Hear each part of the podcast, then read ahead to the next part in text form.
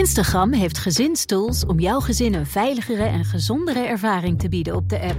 Wanneer tieners hun Instagram-profiel instellen, zorgt standaard privé-accounts ervoor dat wat ze posten privé blijft voor hen en hun volgers. Met een dagelijkse tijdslimiet help je jouw tiener om zich aan gezonde gewoontes te houden op de app. En door toezicht samen in te stellen, krijg je meer inzicht in wie ze volgen. Ontdek meer over deze en andere gezinstools op instagram.com/slash gezinstools. BNR Nieuwsradio. De Ochtendspits. Meindert Schut. Het is uh, vijf minuten over half zeven. Goed dat je luistert. De landsadvocaat Hans Besselink zet de stikstofdiscussie verder op scherp. In Den Haag stapelen de plannen en voorstellen zich op om boeren uit te kopen en nu ligt er een advies van de landsadvocaat. Waarom onteigenen als je ook meteen de vergunningen van een boer kunt intrekken? Dat is zijn advies in het kort. Het AD heeft uh, het advies ingezien, Kees. Ja, onteigening kan veel te lang duren, zegt Besselink. En dat kan de schade van een boer ook. Uh, um, en uh, volgens Besselink kan de schade van een boer ook worden vergoed nadat het bedrijf al is stopgezet. Dit zou dan gedaan kunnen worden bij piekbelasters die in de buurt van natuurgebieden veel stikstof uitstoten. Snel resultaat zorgt er volgens hem voor dat we weer kunnen gaan bouwen. Oké, dus gewoon gelijk die tent dichtgooien zonder dat dat juridisch al geregeld is. Precies. En pas achteraf berekenen wat je moet, uh, moet betalen. Vergoeden, inderdaad. Ja. Maar dat betekent dus wel, zonder vergunning kan je dus in één klop niks meer. En dan weet je als boer misschien ook wat minder... Om, omdat daarna alles in gang gezet moet worden voor de vergoeding. Nou, het kabinet is druk bezig met het doorrekenen van verschillende scenario's. De nadruk ligt nu op vrijwillig stoppen. Maar ook het uitkopen ligt dus op tafel. Onteigenen is volgens demissionair minister Carola Schouten... altijd een laatste optie. Maar de landsadvocaat heeft dus nog een andere oplossing bedacht. De verwachting is dat een nieuw kabinet de knopen moet doorhakken... over wat ze uiteindelijk moeten doen met een die nieuw kabinet? Ja, een nieuw ja, dat, Komt dat? Nou ja, ik denk dus dat, ze in, dat we inderdaad over vijf jaar ongeveer... hebben we een conclusie over wat te doen. Ja, precies. Voor uh, grensoverschrijdende projecten kreeg de regio rond Aken, Hasselt, Luik en Maastricht 96 miljoen euro. Daarvan blijkt tot nu toe maar 39 miljoen euro besteed. Verhaal uit de NRC van vanmorgen. Verdeling van subsidies loopt uh, stuk op administratieve chaos en mismanagement. En daardoor zijn er al uh, jarenlang achterstanden bij de verdeling van subsidies in de EU-regio's, zoals dat gebied ook wel wordt genoemd. Het geld dat niet in projecten gestoken wordt, moet teruggestort worden naar Brussel. De Europese Commissie geeft 16 grensregio's in Europa subsidie voor ja, grensoverschrijdende projecten. In regio uh, Maas-Rijn wordt het geld verdeeld door de provincie Limburg. Nou, de provincie ontving afgelopen jaren veel klachtenbrieven over de uitvoering van het programma. NRC heeft daar kopieën van uh, ontvangen. Belangrijkste conclusie uit de brieven is: de communicatie verloopt stroef. Besluiten worden genomen en weer teruggedraaid. En halverwege projecten worden de regels voor verantwoording weer aangepast. Zootje dus. Brussel wees Limburg al in 2018 op de problemen. In 2019 is er nog steeds, was die kritiek er nog steeds. Nou, Europese Commissie sprak over een uh, ernstige tekortkoming. En we hebben er een wereldkampioen bij, hè? Oh ja? Ja, een wereldkampioen burgemeester zijn. Oh, ja, Abu Talib. Ja, Abu Talib. Ahmed Abu Talib, de burgemeester van Rotterdam, is uitgeroepen tot de beste burgemeester Kijk. ter wereld eh, van afgelopen jaar dan. Want het is een soort van competitie. En dan elk jaar wordt de beste burgemeester. Ik ga uh, bijna een flauwe grap maken over. Toch een prijs in Rotterdam. Jij bent wel echt zo'n Ajax-supporter... dat je dan dit zou doen op de nationale radio natuurlijk. Hè? Nou, klachten kunnen naar uh, meindert.gut.bnr. Ik gun het ze van harte trouwens. Ja, precies. Het is, uh, hij heeft dus uh, World Mayor 2021. Die award heeft hij gewonnen. Hij moet hem wel delen met Philip Rio... de burgemeester van de Franse stad Grigny. Um, of Grigny. beide winnaars die krijgen een sculptuur aangeboden... De jury zegt dat beide burgemeesters een sterke overtuiging hebben over vrede, vrijheid, gelijke rechten en waardigheid. En die zijn belangrijk voor de sociale cohesie in de stad. En de prijs wordt dan elke twee jaar uitgereikt. En Abu Talib is de eerste Nederlandse winnaar. Kijk, en uh, dat komt omdat hij tijdens de coronapandemie exceptioneel leiderschap heeft getoond, zo zegt de organisatie. Al vanaf het begin van de coronapandemie was hij zich bewust van de gevaren voor de kwetsbare delen van de samenleving. Abu Talib is ook zeer vereerd met de prijs. Ik ben er stil van. Het is een eer dat eh, Rotterdammers mij hiervoor hebben aangedragen. Ik heb de allermooiste baan die je maar kan bedenken. Al dus de burgemeester die al sinds 2009 in Rotterdam de scepter zwaait. Prachtige burgemeester voor een prachtige stad. Kan niet anders zeggen. Ik denk dat de Rotterdammers nu zeggen... nou, uh, Halsema moet er eerst maar eens even eentje winnen, uh, Amsterdammers. Ja. Zo is dat. BNR Nieuwsradio. We gaan naar Noorwegen, want uh, na acht jaar neemt uh, Noorwegen afscheid van de conservatieve regering onder leiding van uh, premier Erna Solberg. De Sociaal-Democratische Oppositiepartij won gisteravond de parlementsverkiezingen. Solberg legt zich neer bij de nederlaag. En volgens haar is er een duidelijke meerderheid die een andere regering wil. Ja, dus een beetje een ommekeer kunnen we dit wel zeggen. Hè? Want de rechtse regering die moet de macht afstaan aan een linkse regering. En dan denk je, ja, oké, okay, Noorwegen, wat hebben wij daar nou aan? Nou, we kunnen naar onze oosterburen kijken. De Duitsers, daar lijkt hetzelfde, in ieder geval volgens de peilingen, te gebeuren. Dat de conservatieve regering wordt ingeruild voor een wat uh, linkser liberale, of in ieder geval wat een socialere regering, om maar ja. zo te zeggen. En dat zou misschien een, een, een golf, eerste golf kunnen betekenen voor, uh, voor de rest van Europa natuurlijk. De partij van Solberg stond na het tellen van uh, 97,5% van de stemmen op 36 zetels. Dus een verlies van 9 zetels. Terwijl de arbeids, uh, Arbeiderspartij ook wel een zetel verloor. Maar werd toch de grootste met 48 zetels. Dat zijn wel een hoop zetels, hè? Dat, dat kennen wij in Nederland 48, niet meer. Ja. Daarvoor zouden we een kiesdrempel moeten nou, hebben. Dat halen. Ja. Voor een meerderheidsregering heeft de Arbeiderspartij wel 85 zetels nodig. Wat betekent dat die met andere partijen zal moeten gaan samenwerken. Een coalitie dus, zoals wij ook hier in Nederland gewend zijn.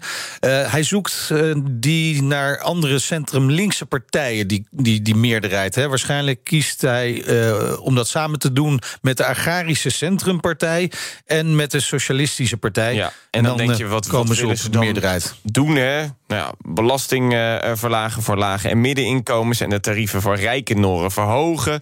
Dat belooft de Storen onder andere in zijn verkiezingsprogramma. Ook wil hij de CO2-uitstoot terugdringen, zoals in het klimaatverdrag van Parijs staat. En die Storen, die gewonnen heeft, was eerste minister van Buitenlandse Zaken onder premier Jens Stoltenberg. Nou, dit kan misschien een beweging zijn in Europa. Uh, en dan is het toch interessant Precies. dat we dit als eerste bij de Noren. Ja, en nu gaat natuurlijk uh, de blik richting Duitsland, waar binnenkort ja. de verkiezingen zullen zijn. En daarna de herverkiezingen in Nederland. ja, het zou zomaar kunnen. Je weet het niet. De Gezondheidsraad komt vandaag met een advies aan het kabinet over het al dan niet aanbieden van een extra coronavaccinatie. Voor de meeste Nederlanders zou dat dan de derde prik zijn. Hè. Voor mensen die in eerste instantie het Janssen-vaccin kregen, is het dan de tweede prik. Voor het kabinet wegen adviezen van de onafhankelijke raad, onafhankelijke raad altijd zwaar mee in de besluitvorming. Een, een zogeheten booster geeft het afweersysteem een oppepper. Dat is in ieder geval de theorie. Het lichaam wordt erdoor aangezet om nieuwe antistoffen tegen het virus aan te maken. En mogelijk neemt de effectiviteit van het coronavaccin na verloop van tijd namelijk af. Ja, kan er zijn al onderzoeken uitgekomen die dat al die dat hebben al aangetoond. Hè? Ja, precies. En ongeveer zo, na een half jaar dan. Zo'n aanvullende prik kan dan, kan dan bescherming weer op peil brengen. Dat is het idee. Precies, want je hebt natuurlijk geheugencellen. Ik, ik, maak natuurlijk de podcast Vraag het Gommers. Dus al deze medische dingen. is voor jou gesneden koek, hè? Nou ja, ik heb het vaak voorbij gehad. Ik wil ook niet opscheppen, hoor. Maar, um, maar in ieder geval, je hebt geheugencellen. Die komen wat traag op gang. En je directe soort van aanwezige afweercellen... Um, die moeten op een hoog pijl zijn. Wil je gewoon extra beschermd zijn tegen die Delta-variant. Want dan is de kans dat je het krijgt, een doorbraakinfectie... is dan kleiner. Nou, diverse landen hebben al besloten een extra prik mogelijk te maken. Vooral voor kwetsbare mensen. Want dit advies zal dan ook wel voor bepaalde groepen gelden... en niet voor iedereen, is nu in ieder geval de gedachte. Uh, onder meer Duitsland, Frankrijk en België hebben daar al toe besloten. Israël en Hongarije die geven een derde prik aan iedereen die dat wil. Okay. Bij die andere landen geldt het dan om kwetsbare groepen. Bijvoorbeeld uh, erg oude mensen of mensen die in de risicogroep vallen. Dus dat als je dan corona krijgt, dat je daadwerkelijk ook naar het ziekenhuis zou kunnen. Ook de Amerikaanse, uh, de Amerikaanse regering is op dit moment aan het nadenken of, uh, over hè, wanneer moeten we dit invoeren. Volgens de Wereldgezondheidsorganisatie ontbreekt het echter aan bewijs dat een extra prik noodzakelijk is. Denk aan die geheugencellen. Ja. Van die komen echt wel in actie, maar ja, dat gaat dan wat trager. De WHO WHO wil liever zien dat eerst arme landen één of twee prikken krijgen. Uh, zodat we het wereldwijd aanpakken. In nou ja, plaats van alleen in ieder geval te voorkomen dat er weer een nieuwe variant ontstaat. Hè? Want dat hebben we tot nu toe gezien natuurlijk in veel landen waar besmettingsgraden hoog waren. Dat daar uh, nieuwe varianten van het uh, Denk maar corona... aan de Delta-variant. Want op dit moment was de hele strategie gebouwd op... oké, okay, hey, we kunnen een soort van groepsimmuniteit door te vaccineren... want dat leek ook te helpen met de Britse variant... totdat die Delta-variant kwam, die zo besmettelijk is... dat je ook gewoon mensen die gevaccineerd zijn kan aansteken natuurlijk. We gaan naar de verkeersinformatie van de ANWB. Het is kwart voor zeven. Jolande van der Velde, goedemorgen. Goedemorgen, Meindert. Wat kunnen wij vanochtend verwachten? Uh, hier en daar wat langzaam rijden op de snelwegen, maar nou, amper vijf minuten. Uitzondering is de provinciale weg de N59, Zierikzee richting knooppunt Heddegatsplein. Daar heb je een klein half uur vertraging tussen Den Bommel en het knooppunt Heddegatsplein. Dat heeft uiteraard te maken met de versmalde rijstroken bij de Haringvlietbrug. Flitsmeister meldt op dit moment geen flitsers. We gaan naar uh, ander nieuws. Het gaat uh, met de dag slechter uitzien voor de Chinese vastgoedgigant Evergrande.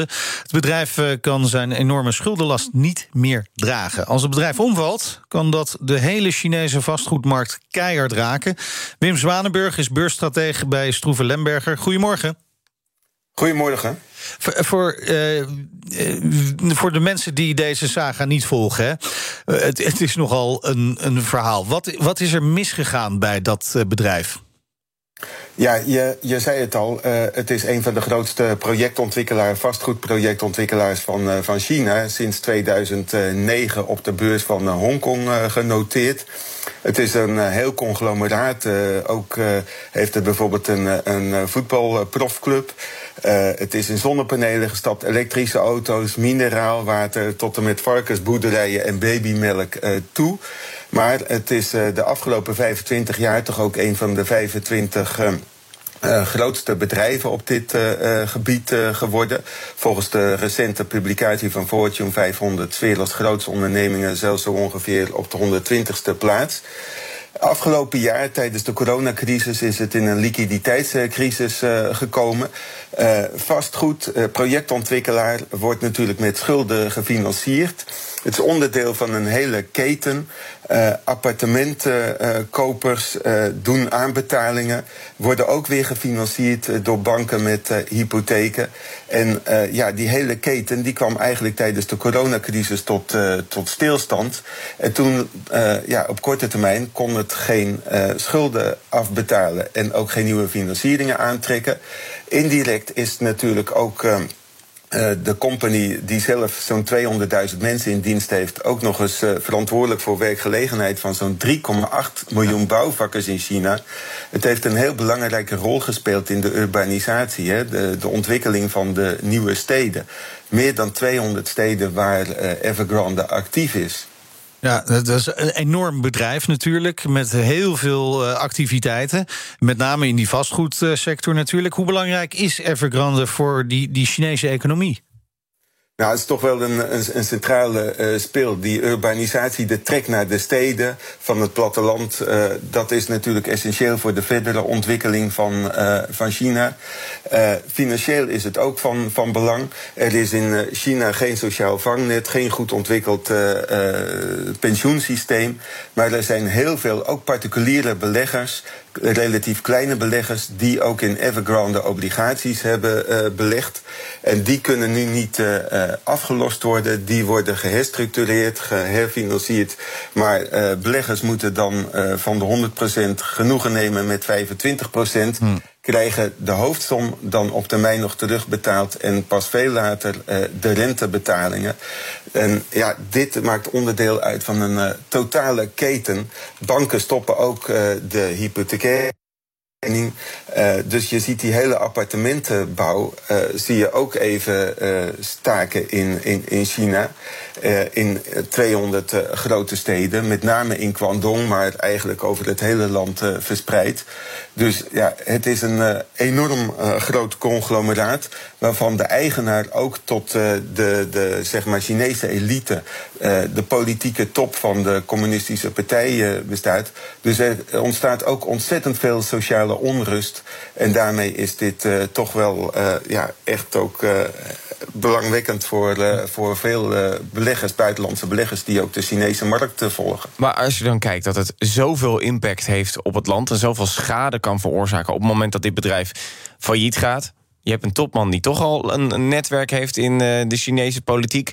Kan de Chinese overheid dan toch niet bijspringen? Nou, nationalisatie zou natuurlijk uh, kunnen, kunnen dreigen uiteindelijk. Uh, wat zie je? dat er een, een, een crisismoment zoals Lehman Brothers gaat ontstaan, waarmee de val van Evergrande ook de hele vastgoed en ook de hele Chinese financiële sector meetrekt. China is al jaren bezig zeg maar, om de ongebreidelde kredietverlening, waar uh, met uh, te weinig eigen vermogen te grote financieringen uit, uh, uitstaan, om, om die zeg maar in, in, in bedwang te krijgen. en ja men probeert dus nu duidelijk een, een, ja. een, een verdere crisis uh, te voorkomen. In uh, 2008, 2009 uh, zagen we natuurlijk de financiële crisis in, in de Verenigde Staten. Dat begon met één à twee banken, met Bear Stearns en, en Lehman Brothers. En de Chinese autoriteiten proberen nu iets dergelijks voor China te voorkomen. Ja, je had het al even over, over buitenlandse beleggers. Maakt dit beleggers extra huiverig om in Chinese bedrijven te gaan beleggen? Nou, als we kijken naar de geldstromen, dan zien we toch dat uh, in, in het eerste halfjaar wel behoorlijk veel terug werd uh, getrokken. Uh, in augustus is daar een, een extra crisis nog bijgekomen. Ook bijvoorbeeld naschoolse opvangcompanies, companies die ook educatiesoftware aanboden. En bijvoorbeeld ook gaming spelers zoals Tencent werden aan, meer aan banden gelegd. bijvoorbeeld ook de Amerikaanse Amerikaanse beursgang van Didi is, uh, is, is, is, voorkomen. Toen kwam uh, Chinese tech-ondernemingen zwaar onder druk. Dat werd toch wel door buitenlandse beleggers als een nieuwe koopkans uh, gezien. Want de technologische ontwikkelingen in China, het aanvragen van patenten, de ontwikkeling van chips enzovoort, dat gaat toch wel heel sterk door. En uiteindelijk waren de kwartaalcijfers van partijen als Alibaba en Tencent ook tamelijk goed. Maar je ziet wel dat de Chinese autoriteiten ingrijpen in, in dergelijke techgiganten. Dat zagen we ook gisteren bij uh, het aan banden leggen van uh, Ant Group, van, van Alipay. Waar men zeg maar de ondernemingen probeert in afzonderlijke ondernemingen te positioneren, op te splitsen, zodat de kredietverlening beter onder controle kan komen van de Chinese autoriteiten. Ja, dat maakt af en toe toch ook buitenlandse beleggers ja. uh, huiverig. Maar er zijn er ook velen die er een koopkans uh, in zien. Die, die, zijn er natuurlijk ook altijd. Dank. Wim Zwanenburg, beursstratege bij Stroeven Lemberger. Grote Nederlandse bedrijven die vinden het belangrijker om nu te investeren in digitale verbetering dan in verduurzaming. Oh. Dat uh, hebben 77 topmanagers van grote Nederlandse bedrijven uh, gezegd. In, in, ieder geval in een onderzoek in opdracht van de zakenbank van ING. Die heeft een onderzoek gedaan bij bedrijven met een jaaromzet van minimaal 250 miljoen euro.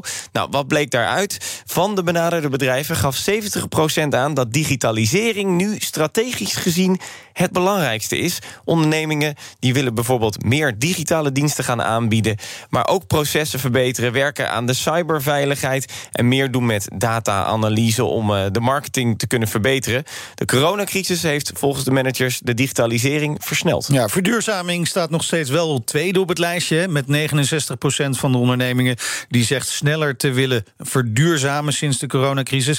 Gaat daarbij vooral om het vergroenen van de gebruikte energie en het verminderen van afval. Nederlandse industrie groeit dit jaar. ik heb een beetje kikker in mijn keel. Ik snap dat je er emotioneel van wordt. Ja, dat Nederlandse lekker industrie dat groeit dit jaar met ongeveer. Wanneer hebben we dat nog meer gezien?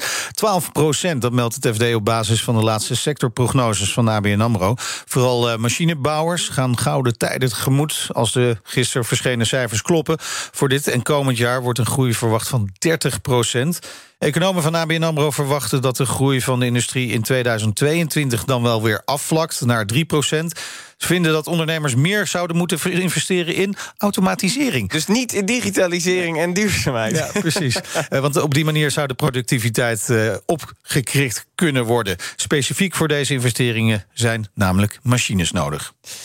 De Rabobank stopt met het investeren in beleggingsapp Peaks, oh. schrijft het eh, FD vandaag.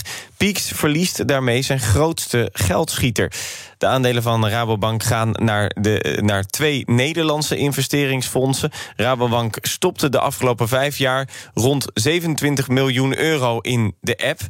Volgens de bank past de app niet meer bij de huisstijl, zoals ze dat noemen. Pieks wil graag groeien en wil Europa in. De Rabobank wil zich juist meer toeleggen op de Nederlandse markt. De Rabobank had 80% van de aandelen in handen. Die gaan nu over naar Haarlem Capital en Ritmeester. Twee investeringsfondsen van vermogende particulieren. Peaks heeft rond 130.000 gebruikers in zowel Nederland als Duitsland. Ja, en Peaks, dan, dan ga je beleggen met je wisselgeld. Hè? Dus je geeft ja. 5,95 euro uit, dan gaat er 5 cent naar, uh, naar Peaks. En daar ga je dan mee beleggen. Dat gaat heel langzaam, gaat dat, zou dat moeten uitgroeien tot iets moois. Een beetje in die trend inderdaad van de kleine particuliere beleggers... die ze dan willen bereiken. Precies. Uh, we hadden het eerder deze uitzending al over het stikstofprobleem. Nou, vergeet dat maar. Vergeet onteigening van boeren. Vergeet het verminderen van de veestapel. Het stopzetten van de vergunning, zoals de landsadvocaat Allemaal niet nodig, want Duits onderzoek heeft de oplossing opgeleverd... voor het stikstofprobleem. Je moet koeien gewoon zindelijk maken. Simpel. Sorry, ja, eh, hartstikke leuk. Ik ben, ik ben boerenzoon natuurlijk. Uh, ik, Kansloos? Why? Why? Ja, nou, kansloos. luister, Duitse diergedragswetenschappers zijn erin geslaagd om dat voor elkaar te krijgen. Het, het, het zindelijk maken van uh, deze koeien. Bij Elf Holstein Friesian Kalveren. De koeien is geleerd om ze op de gewenste plek te laten urineren. door ze te belonen met zoete lekkernij. Dan weet jij wat voor zoete lekkernij koeien. Ah, ja, gewoon uh, brokken bijvoorbeeld. Gewoon lekkere brokken. Of een lekkere liksteen of zo. Uh, ja. liksteen. nou, het voordeel is natuurlijk dat je de urine en daarmee de stikstof kunt opvangen, waardoor het dus niet in de natuur terechtkomt. Lindsay Matthews is uh, diergedragswetenschapper van de Universiteit van Auckland, ook betrokken bij het onderzoek. En volgens hem waren de koeien na ongeveer 20 plassessies volledig getraind. We only had 15 training sessions with these animals and and we had about yeah, on average 20 25 urinations and they were fully trained. Nou, dat is prachtig. Zo zie je waar een liksteen goed voor is. Ja, ja, het vervolgonderzoek moet nog wel blijken of de koeien ook daadwerkelijk zindelijk blijven. Dat is dan wel prettig. of ze zonder beloning uh, daar ook dan nog, ja, nog steeds. En ik denk dat het tijd wordt om dan een nieuwe minister uh, te installeren bij het nieuwe kabinet. Minister Plasgeitenbreier. of minister. BNR Nieuwsradio. De Ochtendspits. Meindert Schut. Goedemorgen, het is zes minuten over zeven op dinsdag 14 september. Tot 10 uur zijn we bij je met de belangrijkste nieuws uit binnen- en buitenland. Naast mij Kees Dorrestein, goedemorgen. Goedemorgen, beetje regenachtig, lekkere dag. Wat dat betreft persconferentie, ja, natuurlijk 7 uur vanavond om 7 uur. Op BNR te horen. Precies, en dan geven demissionair ministers Rutte en de Jonge... een persconferentie over de nieuwe coronamaatregelen. Gisteren hoorden we al op basis van Haagse bronnen dat de anderhalve meter maatregel verdwijnt en dat er een uh, verplicht corona-toegangsbewijs gaat komen. Mondkapjes in het openbaar vervoer en het thuiswerkadvies blijven wel van kracht. Er is inmiddels ook bekend dat evenementen wel weer toegestaan zijn, wel met een maximale capaciteit van 75 procent. Ja, Ruben Brouwer, directeur van festivalorganisator Mojo, die reageerde, reageerde daar gisteren op bij Op 1 en hij was boos. Ja, dit is echt de, de grootste dode mus van het jaar uh, in onze branche, uh, kan je wel zeggen. Ja, ja dat, dat, lijkt, dat lijkt leuk en het lijkt veel. Maar het kabinet weet, want dat hebben we ze anderhalf jaar geleden al verteld... Dat je op 75% capaciteit eigenlijk onmogelijk een goed evenement kunt organiseren. Waarom niet? In de laatste 10% weet je of je, of je kiet speelt of, uh, of, of daar wat aan overhoudt. Er komen ongelooflijk veel kosten en, en materialen en mensen bij kijken om iets goeds neer te zetten. Nou, Brouwer zegt daarnaast dat het demissionair kabinet niet kan uitleggen waarom die capaciteit per se naar 75% moet en niet op 100% kan. Hij zegt dat de Field Lab experimenten uitwijzen dat een evenement op volle capaciteit gewoon kan doorgaan. Verder zegt hij dat hij een bijzonder verzoek heeft gekregen van Hugo de Jonge. Daarnaast uh, bleek gaandeweg het gesprek dat ze ons wilden vragen of wij maar liever geen dance-evenementen wil, uh, wilden organiseren. Ook als die evenementen op drie kwart van de capaciteit en voor 12 uur waren. Dus er werd ons eigenlijk vriendelijk verzocht om, om het dansen te verbieden. Waarom? Maar wacht, wacht even. Ja. Begreep ik het goed? U zegt, u, ja. u, moest zelf ja. het verbod opleggen. Nou ja, ze kregen dat juridisch niet voor elkaar. Ze konden geen onderscheid maken tussen een concert en, en, en, en iets met een DJ. Dus hebben ze aan ons gevraagd. Laten we daar nou een afspraak over maken. Dan, uh, dan kunnen we dat, dat dansen kunnen nog eventjes, uh, eventjes verbieden. Dus de demissionair minister van de gevleugelde uitspraak. Dansen met Jansen zegt niet dat je niet eens met Jansen... maar met niemand moet willen dansen. Maar ja, dat is juridisch dus niet houdbaar als ze het verbieden. Dus waarschijnlijk komen we toch wel die dansevenementen gewoon om de hoek kijken, wat dat betreft. Door het overvolle stroomnet lopen eigenaren van zonnepanelen steeds vaker inkomsten mis. Om overbelasting te voorkomen kunnen ze op piekmomenten geen stroom opwekken of terugleveren aan het net. Wat eigenaren normaal gesproken natuurlijk geld oplevert. Hè? Saldering heet dat. Alleen al Vereniging Eigen Huis kreeg hierover tientallen klachten van leden. Blijkt uit navraag van BNR. Bij netwerkbedrijf Alliander stroomden de klachten helemaal al binnen. Meer dan duizend in de eerste helft van het jaar. Dat is ruim een derde meer dan vorig jaar. Geen goed nieuws voor huiseigenaren die zonnepanelen op het dak hebben liggen. Zo zegt Hans-André de Laporte van Vereniging Eigen Huis het rekenmodel, hè, zes, zeven jaar dat je, dat, uh, dat je die zonnepanelen weer, uh, weer terug kan verdienen, dat staat hierdoor sterk onder druk. Want een groot deel van de, vooral van de zonnige dagen hè, lever je geen stroom terug en kan je het zelf ook niet gebruiken. Dus het idee dat mensen zeggen, nou die zonnepanelen die zorgen nu voor de stroom waarop mijn wasmachine of mijn droger draait. Um, dat, dat idee moet je loslaten, want het werkt, ze, ze doen het dan dus gewoon niet. En, en dat, daar zit natuurlijk de grootste ergernis in, dat je het ook helemaal niet zelf kunt gebruiken. Bij ons in de uitzending nu Lieselot Milker van Netbeheer Nederland. Goedemorgen. Goedemorgen. Herkent u dit beeld? Ja, wij krijgen natuurlijk ook consumenten aan de lijn die dat ontzettend jammer vinden. En ervoor opgesteld is fantastisch dat mensen zonnepanelen op het dak leggen. En dat op deze manier de mix steeds groener wordt. En dat ze steeds meer hernieuwbaar uh, krijgen in, in de mix van energieopwek. Maar het klopt inderdaad.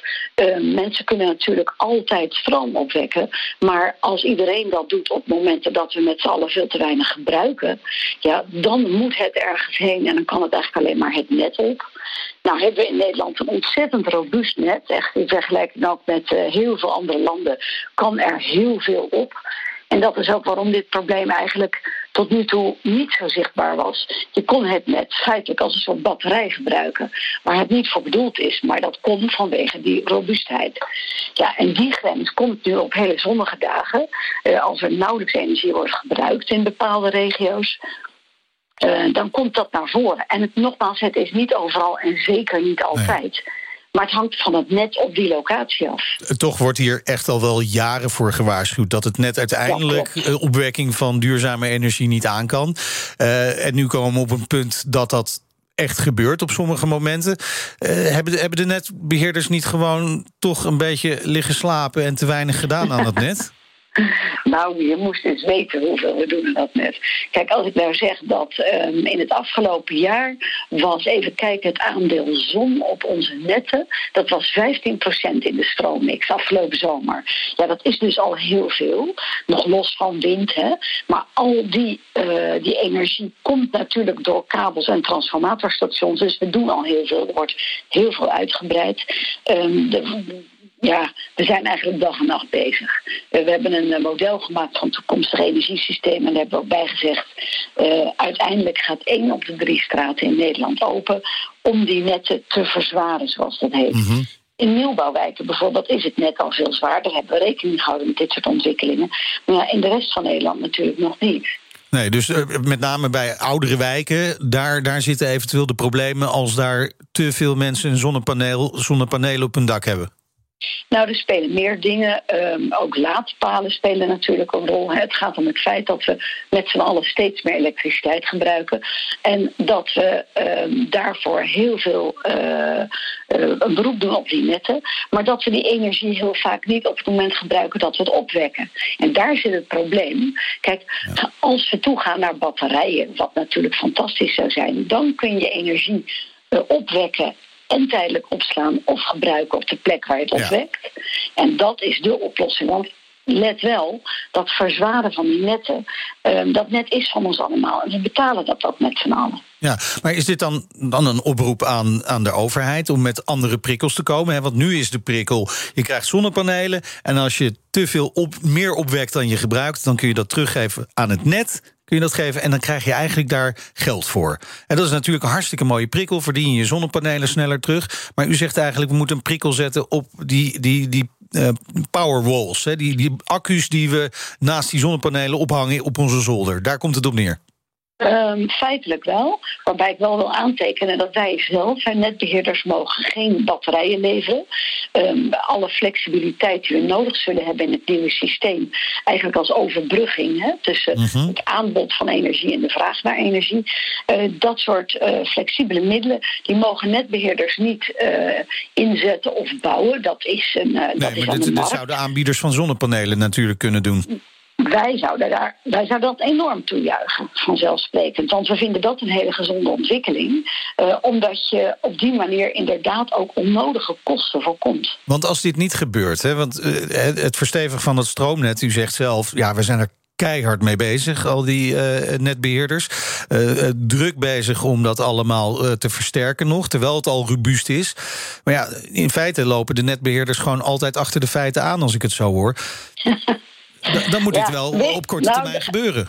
Ja, nou, kijk, het punt is, um, voor ons is uh, 2030 eigenlijk morgen al. Dus wij zijn daar ook al lang mee bezig. Alleen het kost nogal wat tijd om bijvoorbeeld een transformatorstation neer te zetten. En dat is simpelweg omdat wij dat wel kunnen willen. Maar er ook nog dingen zijn als vergunningenprocedures en dat soort zaken. Dus het neerzetten van een transformatorstation, en dan heb ik het over de wat grotere, maar ook bij de kleintjes is het al ingewikkeld. Dat kost soms 7 tot 12 jaar. Ja, maar dan moeten we dus, dat toch verkorten?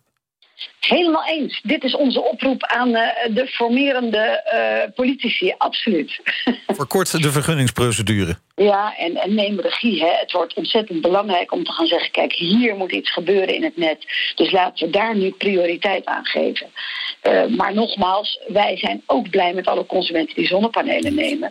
Want je kunt echt het grootste deel van de tijd... wel gewoon je energie gebruiken. En ook nog terugleveren. Maar op hele zonnige dagen, met z'n allen... in een wijk waar het net daar niet op berekend is... daar wordt het moeilijk. Dank Lieselot Milker van Netbeheer Nederland. BNR Nieuwsradio. De Ochtendspits. Ja, Funda-topman Quinten Schevernels die vertrekt eind dit jaar. Dat doet hij omdat uh, onrust onder de aandeelhouders ervoor zorgt...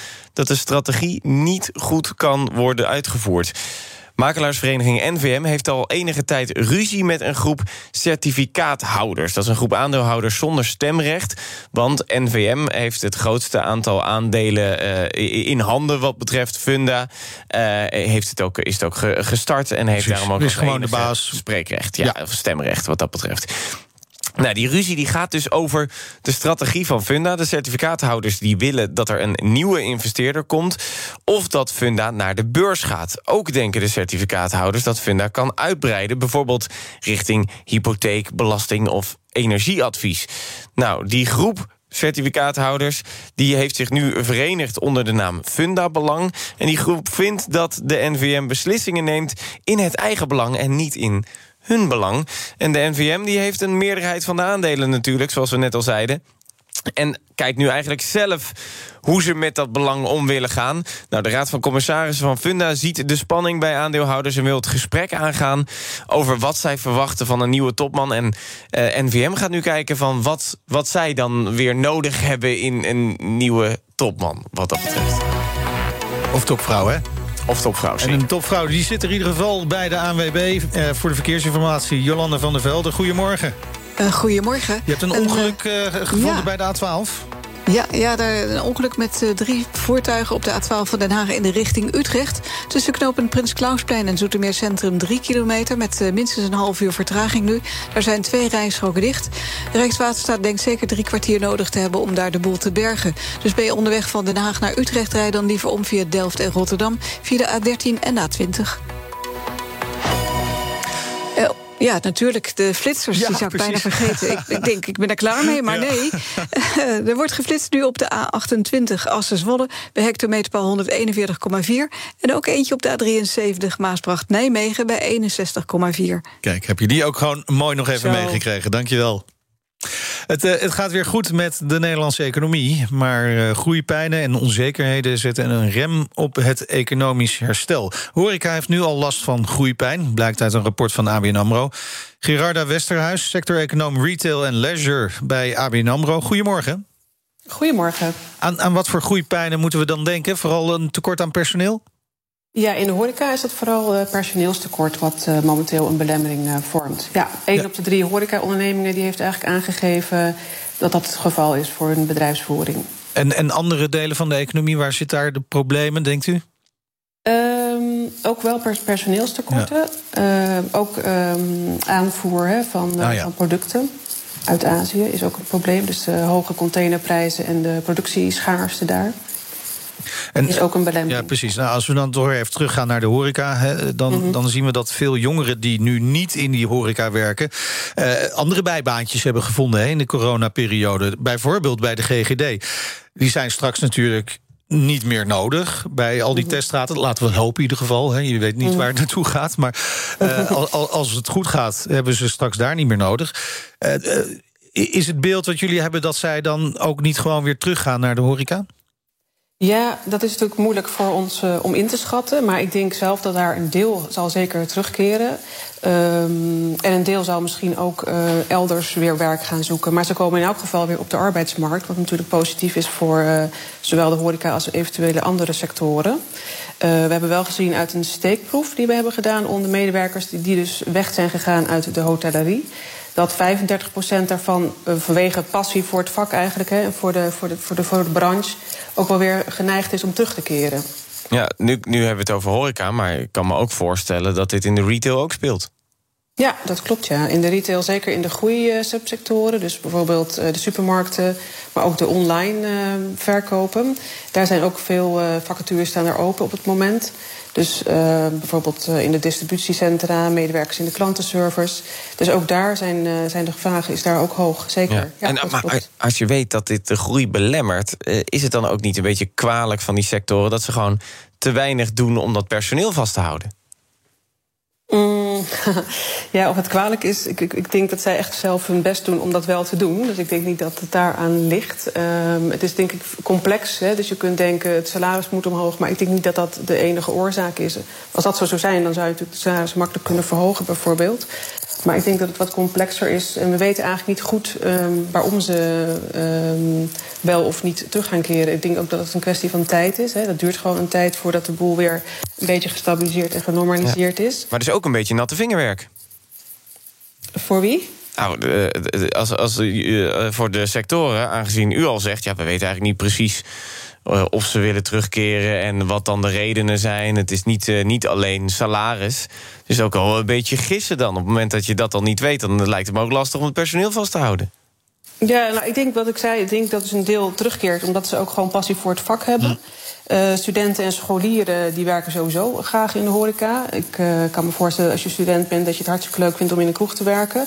Dus ik denk dat echt um, ook delen echt wel weer terug gaan keren. Delen van de, van de, van de, van de mensen die ze nu gedwongen, al dan niet gedwongen zijn, uh, de, de, de sector hebben verlaten. Ja. Hartelijk dank Gerarda Westerhuis, sector-econoom retail en leisure bij ABN AMRO. De Ochtendspits.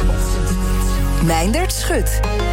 Vervoer in Europa moet in de toekomst veel vaker over water. Dat staat in een rapport van VVD-Europarlementariër Caroline Nachtegaal. Gisteren werd, het, uh, werd door het Europees Parlement al gedebatteerd over het rapport. En vanmiddag wordt er dan over gestemd. En mevrouw Nachtegaal is bij ons in de uitzending. Goedemorgen.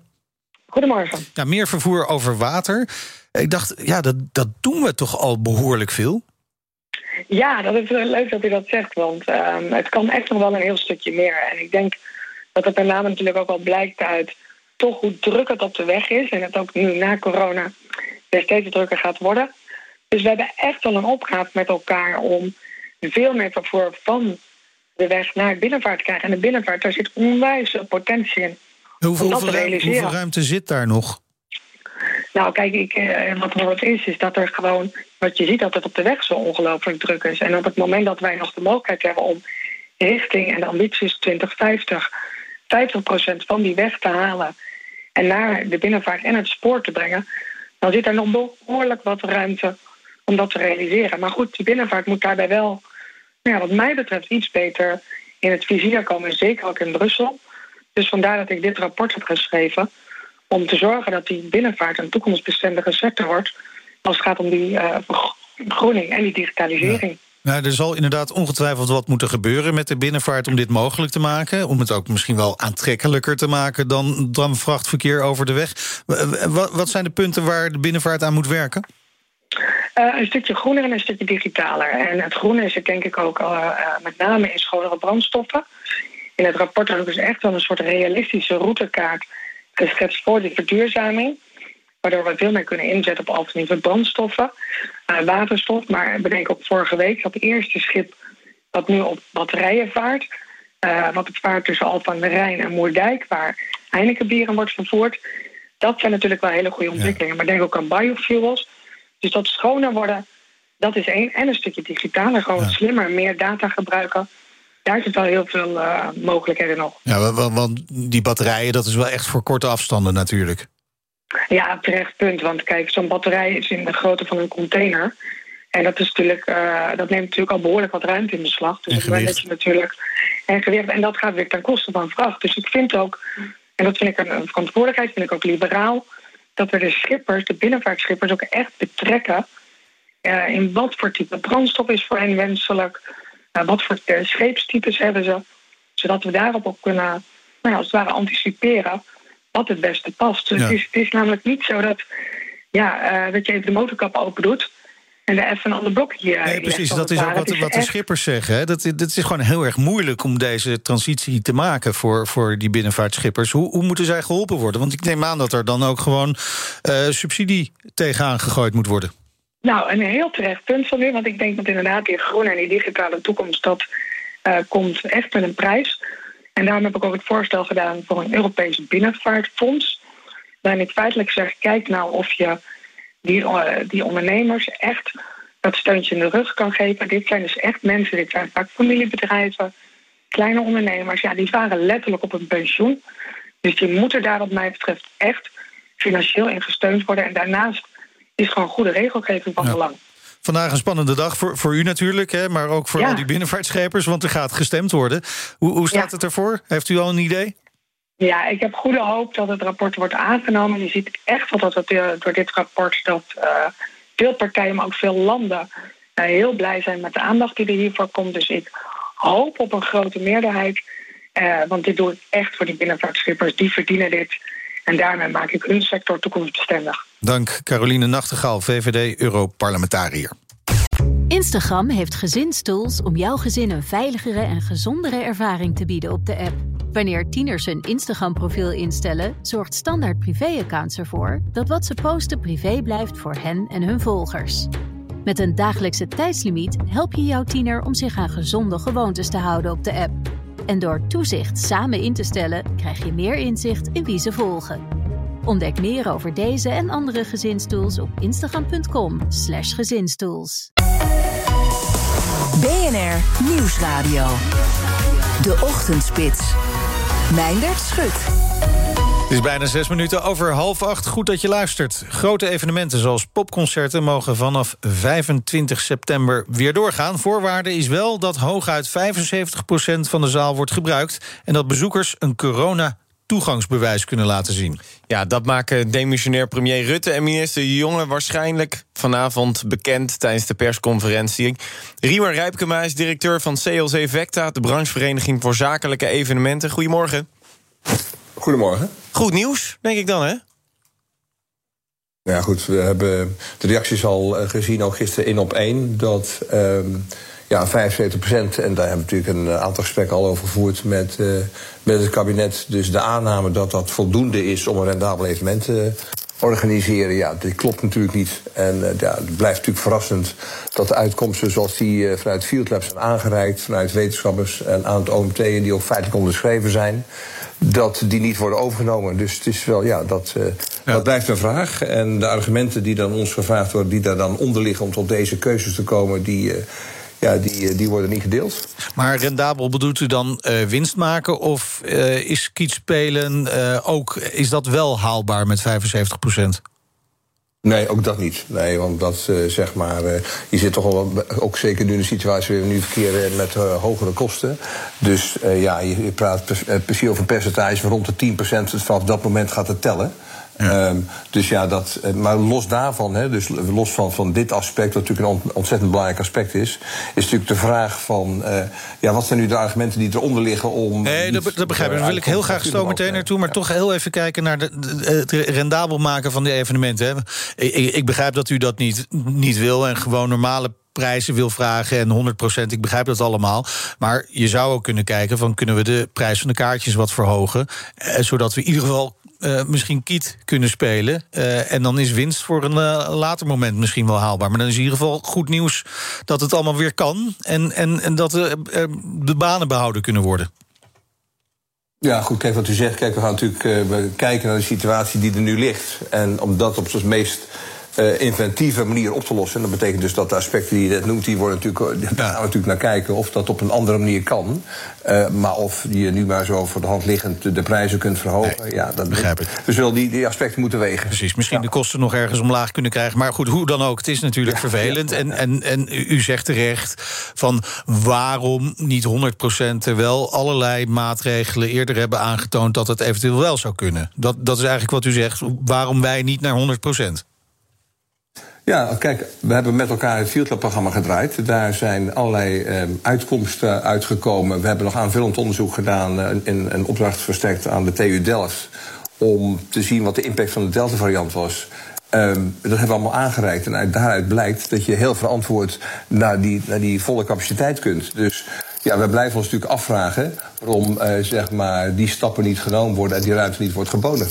Ja, maar dat, eh, dat hoorden we gisteren dus ook op, op één van de Mojo-directeur. Er werden eigenlijk geen argumenten gegeven vanuit het kabinet... waarom het niet naar de 100% kan. Is, is daar tegen jullie nog iets over gezegd? Nee, nee, ja, kijk, anders dan kunnen we dat natuurlijk delen. Hè? En, en dan, dan is het ons ook veel meer te begrijpen. Maar ja, dit is eigenlijk wel een beetje de lijn uh, van de laatste maanden. Uh, dat... op, op basis waarvan dan de beslissingen worden genomen, die, die, die, die criteria worden niet gedeeld. En uh, ja, dat maakt het voor ons heel lastig om ons te kunnen verplaatsen in uh, waarom men tot deze uitkomsten komt. Nu, nu stopt de steun wel per 1 oktober natuurlijk. Is er wat extra nodig? Uh, nou ja, goed, we hebben uh, heel duidelijk met het kabinet uh, besproken... en die gesprekken zijn ook altijd in die lijn gevoerd... dat op het moment als er belemmeringen zijn, de steun gewoon doorgaat. En ja, het, het, kan natuurlijk niet zo zijn, laten we dat wel even heel duidelijk stellen... dat op het moment als we met beperkingen te maken hebben, dat de steun stopt. Dat gaat ja. natuurlijk niet. En dat is ook altijd besproken. We gaan er ook vanuit dat dat ook niet aan de orde zal zijn. Ja, natuurlijk zou een mogelijkheid kunnen zijn om naar 100% te gaan... als we met die coronapas gaan werken, waar zoveel over gesproken Hoe, hoe kijkt u daarnaar? Um, het, is, het is een vorm waarmee wij, uh, wij goed kunnen leven. Het is natuurlijk niet ideaal om dat zeg maar, uh, ja, voor een hele lange termijn, termijn te moeten doen. Aan de andere kant, uh, we hebben die natuurlijk getest, ook al tijdens de testevenementen in het voorjaar. En wij zijn natuurlijk gewend om te controleren bij de entree. We zijn uh, gewend om te registreren ook bij zakelijke evenementen. Dus, uh, dus voor ons is dit geen, uh, geen hindernis om hiermee te werken. Hartelijk dank, Riemer Rijpkema, directeur van CLC Vecta, branchevereniging voor zakelijke evenementen.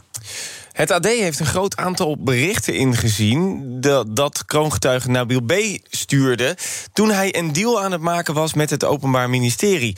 Toen hij zich meldde, dachten de politie en justitie de ultieme troefkaart in handen te hebben met hem. Maar volgens de krant had Nabil een uh, meerdere eigenlijk uh, troefkaarten in handen... en was hij op meerdere borden aan het schaken, om het maar zo te zeggen. De berichten laten zien dat het OM geen idee had met wie ze in zee gingen, zei de krant. En gisteravond werd besloten besloten dat de appjes ook mochten worden gepubliceerd. Want Peter Schouten, de advocaat van Nabil B., heeft een kort geding aangespannen. Maar de rechter ging niet mee in zijn redenen om het artikel niet te laten plaatsen. Het artikel werpt volgens de AD een nieuw licht op de rol van de kroongetuigen. Zo wilde hij vooral veel geld krijgen in ruil voor een getuigenis.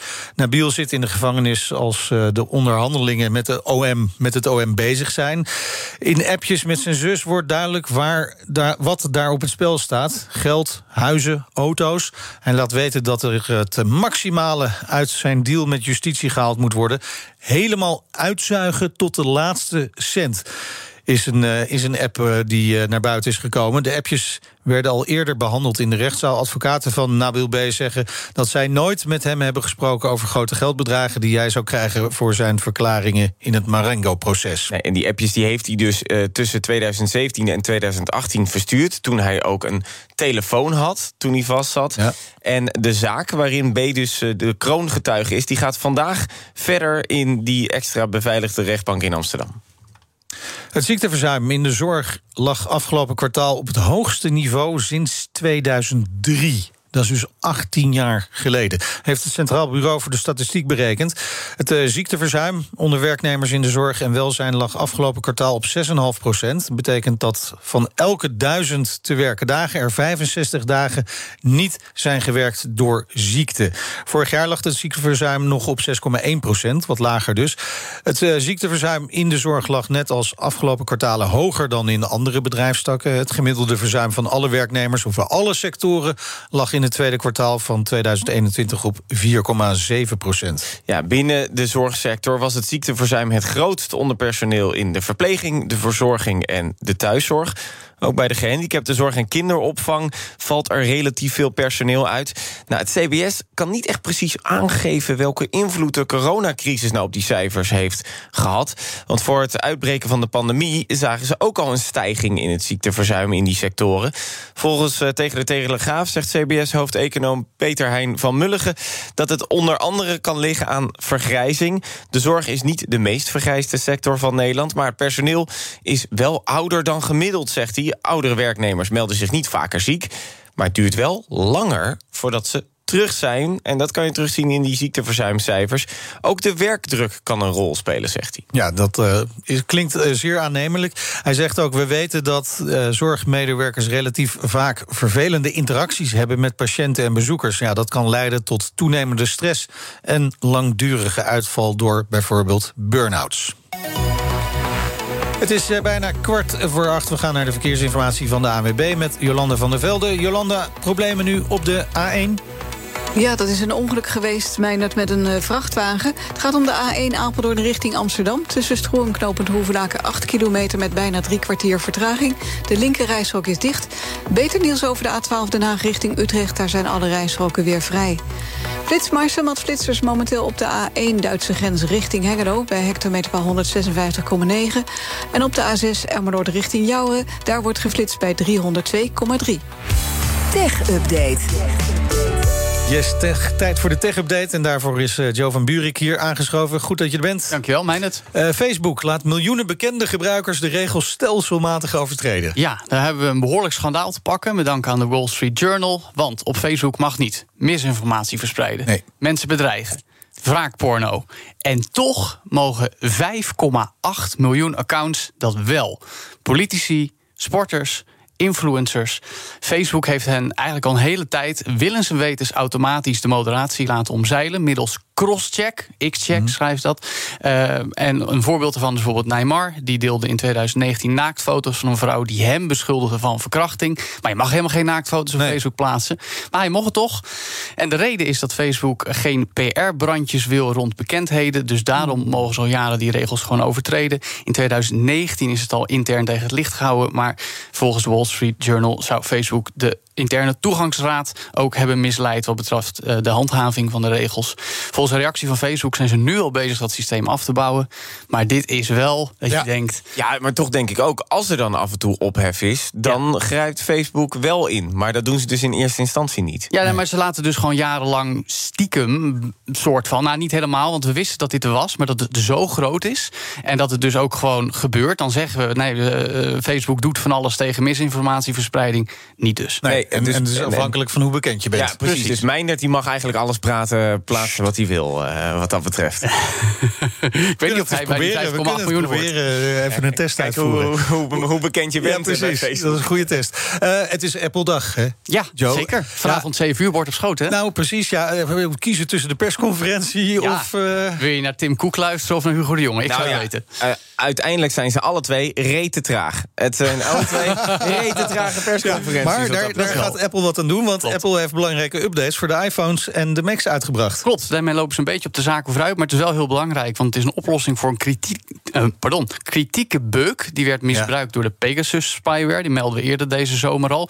Eh, nu een eh, specifieke kwetsbaarheid die eh, forced entry genoemd wordt. Waarmee jouw eh, iPhone bijvoorbeeld geïnfecteerd kon raken. zonder dat je ook maar iets gedaan had. En daardoor je data gestolen kan worden. Volgens Apple kon dat bijvoorbeeld door een kwaadaardig PDF-bestand. zonder dat je het in de gaten had. Security-onderzoekers van Citizen Lab hadden dat recent ontdekt. Die nieuwe forced entry dus. En nu al is er een update van Apple die dat moet voorkomen. Eh, en dat is wel interessant, want normaal zouden ze zo'n update natuurlijk pas bij die presentatie bekendmaken. Vanavond 7 uur. Maar hij is er nu al, want het belang is heel erg groot. Ik zit gelijk te zoeken, maar ik heb, ik heb hem nog niet gevonden. Binnen een paar uur. Binnen een paar uur. Oké, nou, eh, dat wachten we dan even af. Eh, Zoom gaat samenwerken met Facebook. Ja, nou, voor benieuwd. videovergaderingen. Benieuwd of je dat nog moet willen, na wat we zojuist vertelden. Maar goed, is natuurlijk toch een andere tak binnen het bedrijf. Het gaat om eh, de videovergaderingen van Horizon Workrooms. Die hadden we hier toevallig anderhalf week geleden nog in de schaal van hebben. De virtual reality bril op in een virtueel kantoor zitten. Hartstikke leuk. Er komt nu een combina- een combinatie met Zoom... dat je daarop ook op kan inbellen als je gewoon achter je computer zit. Eh, dat is bekendgemaakt tijdens de eigen conferentie van Zoom, Zoomtopia. En wat ze daar ook hebben onthuld is een live ondertiteling... eh, in 30 verschillende talen voor het einde van volgend jaar. Binnenkort al voor alleen Engels.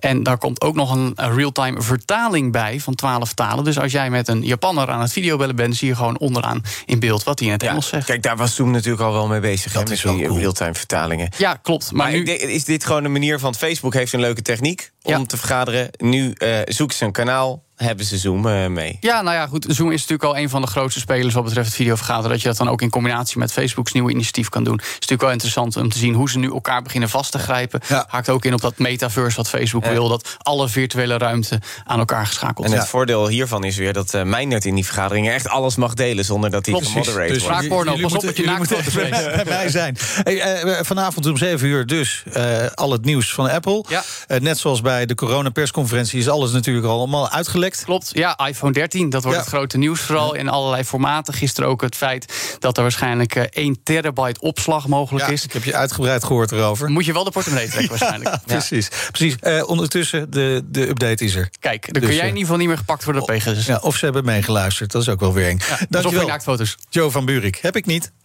De BNR Tech Update wordt mede mogelijk gemaakt door Lenklen. Lenklen. Betrokken expertise, gedreven resultaat. De landsadvocaat Hans Besselink zet de stikstofdiscussie verder op scherp. In Den Haag stapelen de plannen en voorstellen zich op om boeren uit te kopen. En nu ligt er dan een advies van de land, landsadvocaat. En hij zegt eigenlijk: waarom onteigenen als je ook gewoon meteen de vergunning van een boer kunt intrekken? Dat is zijn advies in het kort. Eh, het AD heeft het ingezien. Ja, onteigenen kan veel te lang duren, zegt hij eigenlijk. En uh, de schade van een boer kan ook worden vergoed nadat het bedrijf is al stopgezet door dus die vergunning in te trekken. Dat zou dan gedaan kunnen worden uh, bij piekbelasters, zegt hij, die in de buurt van natuurgebieden veel stikstof uitstoten. Snel resultaat zorgt er volgens hem voor dat we dus ook weer snel kunnen gaan bouwen.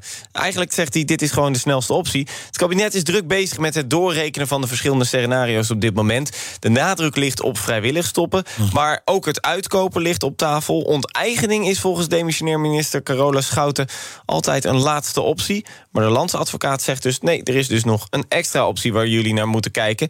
De verwachting is dat een nieuw kabinet dus de knopen moet gaan doorhakken over deze stikstofaanpak. Ja, dan moeten ze eerst een knoop doorhakken over een nieuw te vormen kabinet. Net. Ja. Dat wel. uh, dan even naar uh, Julio Posch. Ken je die zaak nog, Kees?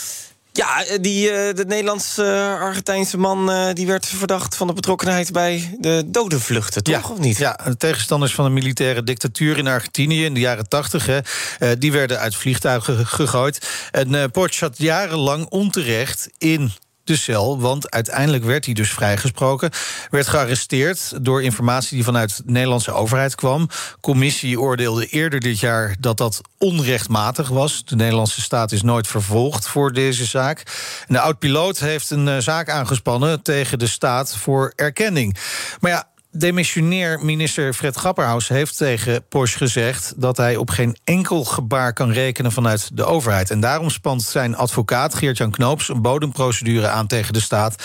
En zo wil hij dat de rechter alsnog zegt dat Nederland aansprakelijk is voor het lijden van zijn cliënt. Ja, Knoops en uh, Potsch die kunnen rekenen op de steun van partijen als D66 en de SP in de Tweede Kamer. Dat het geld dat de staat nu uitgeeft om de verdediging in de civiele zaak te voeren, kan beter aan Potsch worden gegeven, zegt D66-Kamerlid Sjoerd Soertsma. Ook Michiel van Nispen van de SP die wil dat Nederland iets doet om het goed te maken, zoals hij zegt. Jaag die man niet een civiele procedure in, maar ga met hem in gesprek, zegt het Kamerlid.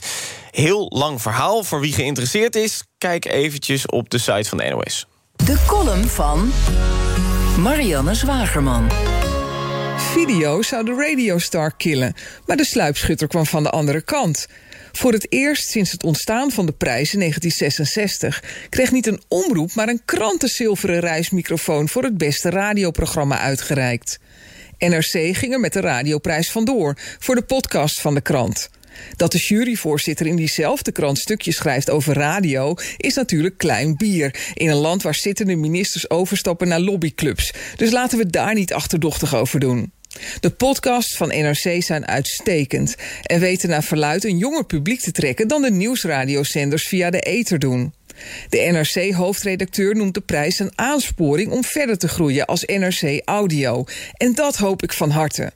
Niet alleen NRC maakt interessante podcasts, ook bij de Telegraaf en de Volkskrant worden pareltjes gemaakt die ik niet graag mis.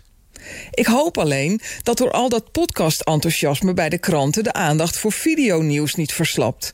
Bij DPG, moederbedrijf van onder meer de Volkskrant, nu.nl en het AD, is vorige week een nieuwe directeur video aangenomen. Maar die moet vooral tijdloze info- en entertainment-formats gaan maken in het verlengde van het nieuws. Dat klinkt een beetje als het totaal geflopte Telegraaf vandaag. Terwijl er voor de nieuwsbedrijven die we vroeger kranten noemden, juist met de kerncompetentie nog zoveel meer te doen is. Nederland is nu al een week in de ban van de lezing van Sigrid Kaag op het podium van EW Magazine, het vroegere Elsevier, dat als enige opinieblad nog een oplage heeft die iets voorstelt.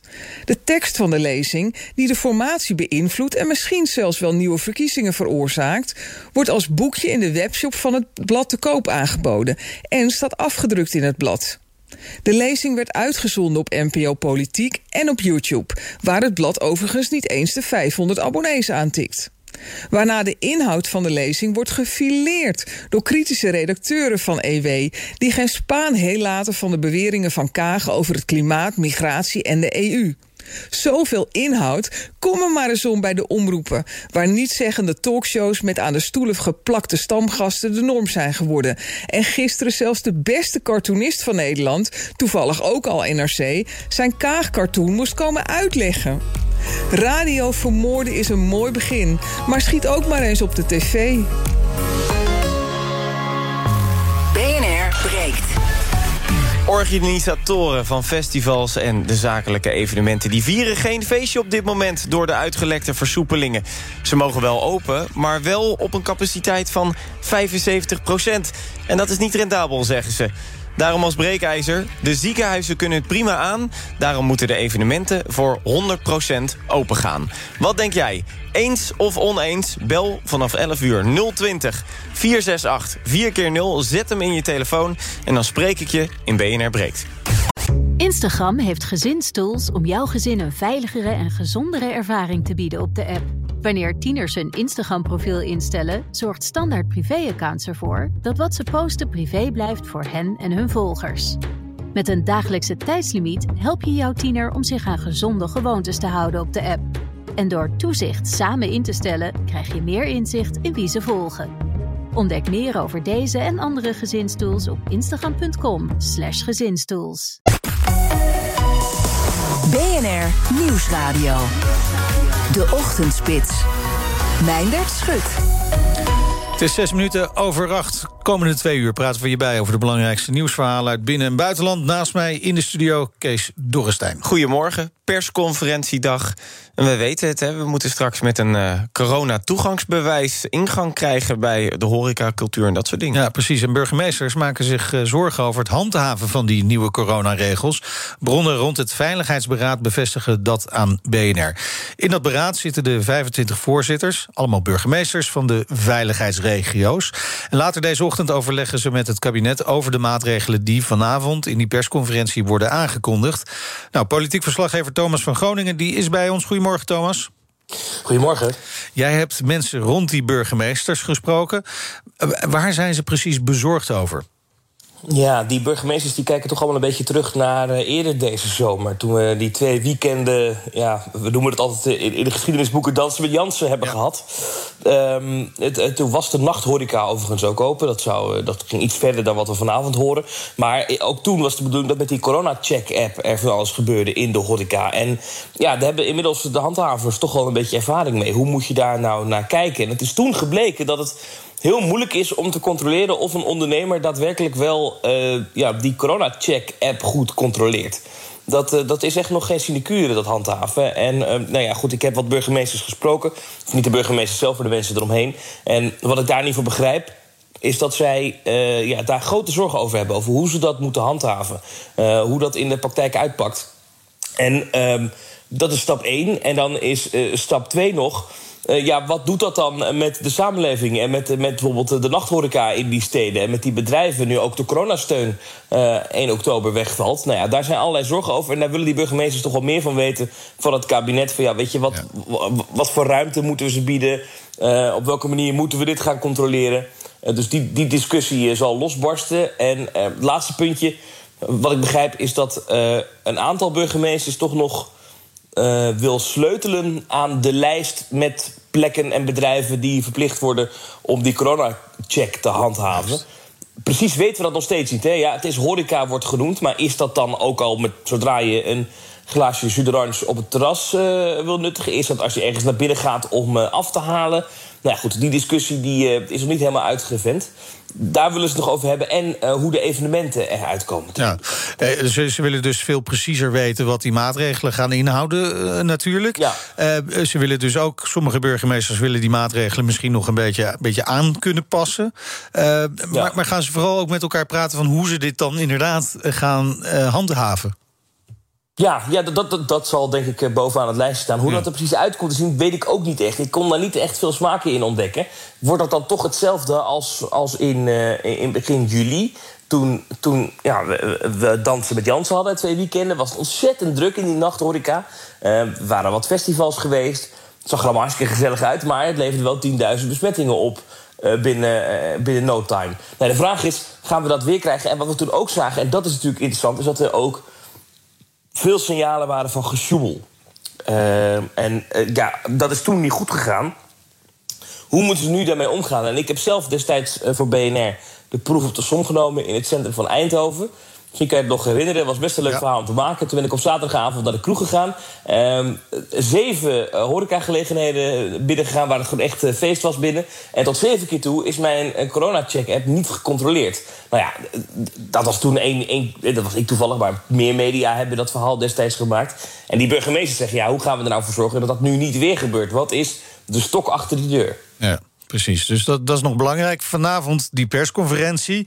Uh, we weten natuurlijk al een heleboel. is een beetje gefragmenteerd uitgelekt. Ja. Laten we even onze luisteraars helpen door het gewoon op een rijtje te zetten. Wat zit er allemaal in? Nou ja, de, de bottomline is de anderhalve meter. Die, die maatregel die we overigens nu ongeveer zo'n anderhalf jaar hebben... dus dat is wat mooi typisch, die, die gaat eraf. Uh, dus, dus op plekken waar overal die, die, die spatschermen staan... en die looplijnen, dat kan je allemaal vergeten. Maar om dat te compenseren, om dat mogelijk te maken... dat wordt het verhaal van het kabinet, zeggen ze... nou ja, we hebben nog steeds wel heel veel mensen in Nederland... die mogelijk besmet zijn. Dus het risico is te groot als we dat in één keer doen. Dus trappen ze op een aantal plekken op de rem. En die rem zal dus zijn de corona-check-app, dus de 3G's. Je moet gevaccineerd, genezen of uh, onlangs getest zijn. Dat moet nodig op een aantal plekken. En daar wordt dan nu vooral gekeken, zoals we begrijpen, naar de horeca en naar de cultuursector. Dus de bioscoop, restaurant, uh, theater. Uh, nou ja, dat Eigenlijk soort een beetje alles wat leuk is. Zo'n beetje. Ja, nou ja, daar zit nog maar één ding in. Je weet, ik, ik kijk graag naar de petpark en dierentuinen. Het is nog niet duidelijk of dat soort doorstroomlocaties bijvoorbeeld ook dit soort passen moeten gaan invoeren. Ook voor musea weten we het nog niet, dus dat gaan we nog wel horen. Nou, dat is dus eh, het voornaamste. Verder, het thuiswerkadvies wordt een klein beetje aangepast. Maar de vraag is nog wel of je mensen een aantal dagen per week willen thuiswerken. Er wordt echt een oproep aan bedrijven om het mogelijk te maken, mogelijk te houden dat het personeel eh, een aantal dagen per week thuis werkt. Om te voorkomen dat het weer heel druk wordt in al die kantoortuinen in Nederland. Nou, dat zijn een aantal van de maatregelen. Mondkapjesplicht, het OV blijft nog verplicht. Evenementen worden weer mogelijk tot 75% van de capaciteit. Ja, dat zijn een aantal dingen die, uh, die in ieder geval nu vanavond waarvan we weten dat ze gaan komen. Verwacht je dat er misschien nog wat extra's kan komen? Want dit is natuurlijk al heel veel. Ik weet dat dat ook lastig te voorspellen is... maar jullie hebben goede ingang in Den Haag natuurlijk. Nou, wat, wat, waar ik nog heel benieuwd naar ben... is hoe het nou precies zit met die evenementen. Um, daarvan even nu, is nu bekend geworden hè, dat bijvoorbeeld uh, popconcerten... waarbij je niet zit die zouden dan mogen, maar dan maximaal 75% van de oppervlakte gevuld en van de capaciteit. Nou, dat, dat, dat, zorgt voor heel veel discussie. de evenementensector is boos, hè, daarover. Ja, die zijn woedend. Die zeggen, ja, dan moeten we alsnog al die concerten die gepland staan... moeten we een kwart van de mensen naar huis sturen. Hoe gaan we dat nou doen? Nou ja, die discussie die wordt vandaag ook nog gevoerd. Ik merkte in ieder geval bij een aantal burgemeesters die ik heb gesproken... En die gaan tenslotte over de openbare orde en veiligheid, die burgemeesters. Die moeten die evenementenvergunningen geven. Dat die toch wel wat meer aan de kant van de sector staan nu dan aan de kant van het Rijk. Dat die zeggen, ja, wat maakt die 25% nog uit? Dus wellicht dat daar vandaag nog wat, wat ruimte ontstaat. Weet ik niet hoor. Is even eh, een voorspelling gebaseerd op koude lucht. En, maar en mogelijk, stel dat die ruimte er niet is, dan zou je toch verwachten dat ze misschien toch nog, aangezien de maatregelen, eh, de steunmaatregelen 1 oktober aflopen, dat ze daar toch, nog iets specifieks over zeggen. Wat, wat dan te doen voor die sector, aangezien ze eigenlijk uh, verlies draaien als ze 75% open gaan. Juist, want dat is natuurlijk een hele bijzondere situatie. We hebben al aangekondigd gehoord dat op 1 oktober de generieke economische steunpakketten die stoppen. Gewoon, hup, daar stoppen we helemaal mee. En toen is gezegd, ja, als er na die tijd nog sectoren zijn die, dan gaan we daar naar kijken. En uh, formeel is, als je nu in Den Haag rondvraagt hoe zit het met de steunpakketten, bijvoorbeeld voor de horeca na 1 oktober, of voor de evenementensector of voor artiesten, dan krijg je terug we hebben het erover. Er wordt over gesproken. En dat wordt vanavond natuurlijk wel een verrange situatie... dat sectoren te horen krijgen dat ze nog steeds beperkende maatregelen hebben... na 25 september, dus ook na 1 oktober... maar dat ze nog niet weten hoe ze er qua steunpakketten aan toe zijn. Dus dat zal een hele kritische nood zijn. Ik, Hans Biesheuvel van uh, ondernemersvereniging ONL was gisteren ook in de uitzending. Ja, die stuurde ook meteen een persbericht rond gisteren. Dat ze dat absoluut niet gaan accepteren. Als er geen steun komt voor sectoren die wel maatregelen hebben. Nee, precies. En veel van die kaartjes voor die concerten zijn natuurlijk al verkocht. Dus uh, heel veel mensen moeten teleurgesteld worden. Maar dat levert ja. natuurlijk ook gewoon minder geld op. Uh, dat, dat is die kant van het verhaal. Hè? jij, jij, jij doet Pijlstok natuurlijk ook even bij de Tweede Kamer erin. Is, is er daar voldoende steun voor de maatregelen die versoepeld worden, maar ook maatregelen die blijven staan?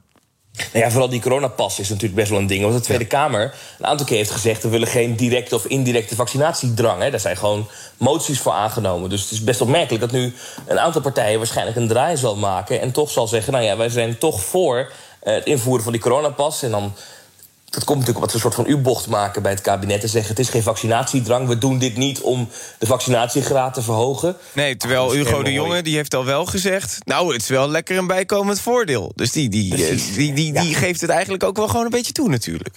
Precies, en achter het scherm hoor je toch eigenlijk wel dat het wel meespeelt in het argument om het wel te doen. Maar formeel zeggen ze: we doen dit omdat het OMT zegt dat anders je niet veilig de anderhalve meter kan loslaten. Ja, goed.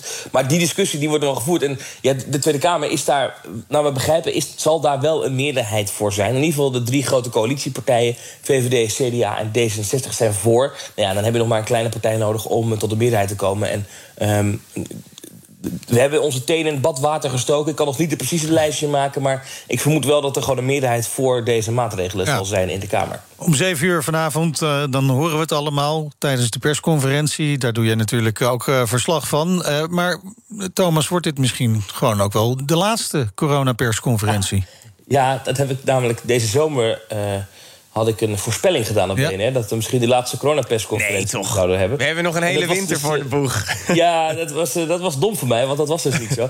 nou ja, dat is, wat nu interessant wordt vanavond... Uh, is, we hebben natuurlijk vorige keer een routekaart gehoord met data. Ja. Hè, dus uh, dan kregen we 20 september, 1 november, die hele mikmak. Dan zijn we er vanaf. Daar wordt nu alweer een beetje van afgeweken... van die routekaart die toen gepubliceerd is. Dus ja, dit zal een van de laatste zijn. Maar ze zullen vanavond toch ook wel moeten zeggen... ja, wat is dan de volgende stap? Wanneer mag dan wel weer alles? Eh, vanaf welke datum is die corona-toegangscheck niet meer nodig? Nou ja, dat, daar zal waarschijnlijk wel een persconferentie aan gewaagd worden. Goed, dankjewel uh, Thomas uh, voor nu. Vanavond om 7 uur dus die persconferentie... hoor je alles over bij uh, BNR. Morgenochtend in de ochtendspits natuurlijk ook alle reacties. Dankjewel Thomas. We gaan naar de verkeersinformatie van de ANWB. 16 minuten over 8. Jolanda van der Velde, wat heb jij te melden? Dat het eigenlijk weer een beetje op een ouderwetse ochtendspits begint te oh. lijken. Uh, ja, 100, uh, 180 kilometer staat er nu zo'n beetje. De meeste files leveren rond de 10 minuten tot een kwartier op. Op dit moment eigenlijk vrij weinig bijzonderheden. Uh, geen gekke ongelukken op dit moment. De meeste vertraging zien we op de A12 Duitse grens Arnhem. Tussen Afwitbeek en knooppunt Velperbroek bijna een half uur extra reistijd. Flitsmeister meldt flitsers op de A1 Duitse grens richting Hengelo... bij hectometerpaal 157,1. En ook eentje op de A73 Maasbracht richting Nijmegen. Daar wordt geflitst bij 61,2. BNR Nieuwsradio. Funda-topman Quintin Schevernels die vertrekt eind dit jaar. Dat doet hij omdat onrust onder de aandeelhouders ervoor zorgt... dat de strategie niet goed kan worden uitgevoerd. Makelaarsvereniging NVM heeft al eh, een tijdje ruzie... met een groep aandeelhouders, vereniging Funda Belang. Zij willen dat er een nieuwe investeerder bij komt... of dat Funda naar de beurs gaat. Op dit moment is de NVM de grote aandeelhouder... met 70% van de aandelen. Uh, Timo Smit is voorzitter van de vereniging Funda Belang. Goedemorgen. Goedemorgen. Wat, vindt u van het vertrek van uh, Quinten Schevernels? Heel teleurstellend. Uh, Quinten Schevernels is echt een CEO, de juiste man op de juiste plaats voor Funda. Uh, wij hebben hem altijd gesteund en vinden hem een, ja, een, een, ondernemer die veel meer ruimte zou moeten hebben om zijn visie te ontwikkelen. En ja, goed uitleggend hoe de werkelijke stand van zaken is, dan is het gewoon het gebrek aan die ruimte die hem uh, toch uh, zeg maar zo benauwd dat hij er nu mee stopt. Dus hij stond een beetje aan jullie kant wat betreft dat, begrijp ik dan ook? Inhoudelijk is er geen millimeter verschil in visie over de toekomst van Funda tussen Funda Belang en de onderneming Funda. Het probleem is dat de onderneming Funda veel meer kan en zou kunnen dan ze nu uh, mag doen, omdat de grote aandeelhouder met een stemrecht van 90%, zo is het nooit bedoeld in Funda, maar goed, dat is nu het, het geval. Die groot aandeelhouder trekt voortdurend aan de rem. En, en ja, speelt, de, de groot aandeelhouder is de NVM, is een brancheorganisatie. En ja, dat zegt het eigenlijk al direct. Daarmee is zo'n onderneming in te beschermende en te remmende handen. Je kunt natuurlijk zijn vertrek ook anders uitleggen. Eh, hij, hij zegt in ieder geval, het, de strategie kon niet worden goed worden uitgevoerd... vanwege de onrust onder de aandeelhouders. Is dat ook niet gewoon een boodschap, stop nou eens met ruzie, Nou, eh, er is ons alles aan gelegen om te stoppen met ruzieën. Maar dat betekent wel dat uh, het uitgangspunt uh, voor Funda een gezond uitgangspunt moet zijn. Funda is uniek in de wereld, is een prachtige onderneming. Maar de concurrentie ligt niet stil. En als je als groot aandeelhouder het belang van je leden ja, wat dat dan ook is hoor, het belang van je leden stelt voor het belang van Funda, ja, dan komt er geen goed uitgangspunt om Funda verder te ontwikkelen en, en, en gezond te houden. Dus het is, ja, het is, ik begrijp en daar hebben we helaas de verbinding die er even... De verbinding is niet zo gezond gaan. nee, precies. Terwijl we nog heel wat vragen eh, hebben voor Timo Smit... de voorzitter van de vereniging Funda Belang. Dat is natuurlijk de partij van certificaathouders... Hè, die willen dat Funda een andere koers gaat varen. Ja, precies. Kijk, eigenlijk eh, een soort van de doorgroeikoers. Maar we kunnen wel kijken, de afgelopen jaren... ook onder de, het vertrekkend CEO... heeft Funda het hartstikke goed gedaan, ook qua cijfers. Uh, dus wat dat betreft kan je ook denken... NVM die zegt laten we het houden wat het is. Want het gaat al eigenlijk hartstikke goed. Maar zij willen dus een extra stap zetten. Precies. Nou, we hebben weer verbinding eh, met uh, Timo Smit, voorzitter van de vereniging Funda Belang. Uh, de, de Raad van Commissarissen heeft gezegd: we willen in gesprek met, met de aandeelhouders, met, met u dus. Om te kijken hoe het nu verder gaat. Wat verwacht u van zo'n gesprek? Nou, nogmaals, met de Raad van Commissarissen en ook met Funda zitten wij qua eh, inhoud van, de, van wat voor de toekomst nodig is op één lijn. Dus, moet eigenlijk dus met de natuurlijk, morgen willen we in gesprek. Er zijn, niemand is gebaat bij ruzie. Niemand is op zoek naar ruzie. Maar we hebben natuurlijk wel hele heldere, helaas verschillende standpunten over wat goed is voor, voor Funda. En de NVM is wel aan het bewegen. Dus wij hopen dat ook deze stap ertoe leidt dat de NVM eh, forsere en betere stappen zal maken om de toekomst van Funda eh, te verstevigen. Nu gaat de Raad van Commissarissen, zoals uh, Meindert al zegt... Die, die gaat nu kijken wat het nieuwe profiel moet worden... Van de nieuwe CEO, in overleg met de aandeelhouders. Maar ja, NVM heeft ook het meeste stemrecht. Dus wordt het dan een, een ja-knikker richting het NVM? Nou, dat is dus precies wat we vrezen. En uh, overigens, deze Raad van Commissarissen is uh, Raad van Commissarissen van een onafhankelijk funda. Maar met zo'n groot aandeelhouder die 90% stemrecht heeft. Ja, wat stelt dat voor en wat stelt dat ook voor de toekomst voor? En hoe groot is dan de uitdaging voor een uh, CEO die in zo'n ambiance moet gaan functioneren? Want in feite hebt u gelijk. Met als je aandeelhouder een bezit heeft van 90%, dan ligt daar de macht. Ja. En uh, het moet een onafhankelijke onderneming zijn. Ja. Wat betekent het nou voor Funda als uh, die transitie niet plaatsvindt? Hè? Want uh, Kees zei het eigenlijk begin van dit gesprek.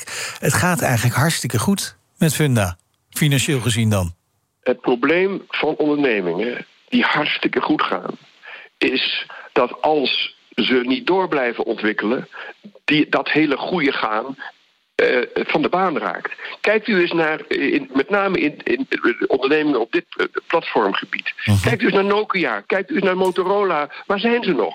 Ja, zo kunnen we nog een je, lijstje opnoemen. Kodak. Ja, Nokia die heeft best wel een goede hardware-tak op dit moment, eh, trouwens. Kijk, hoe lang is het? na, na hoeveel tijd? Na hoeveel wel... ellende? Precies. Doordat ze veel eerder de poot totaal misten...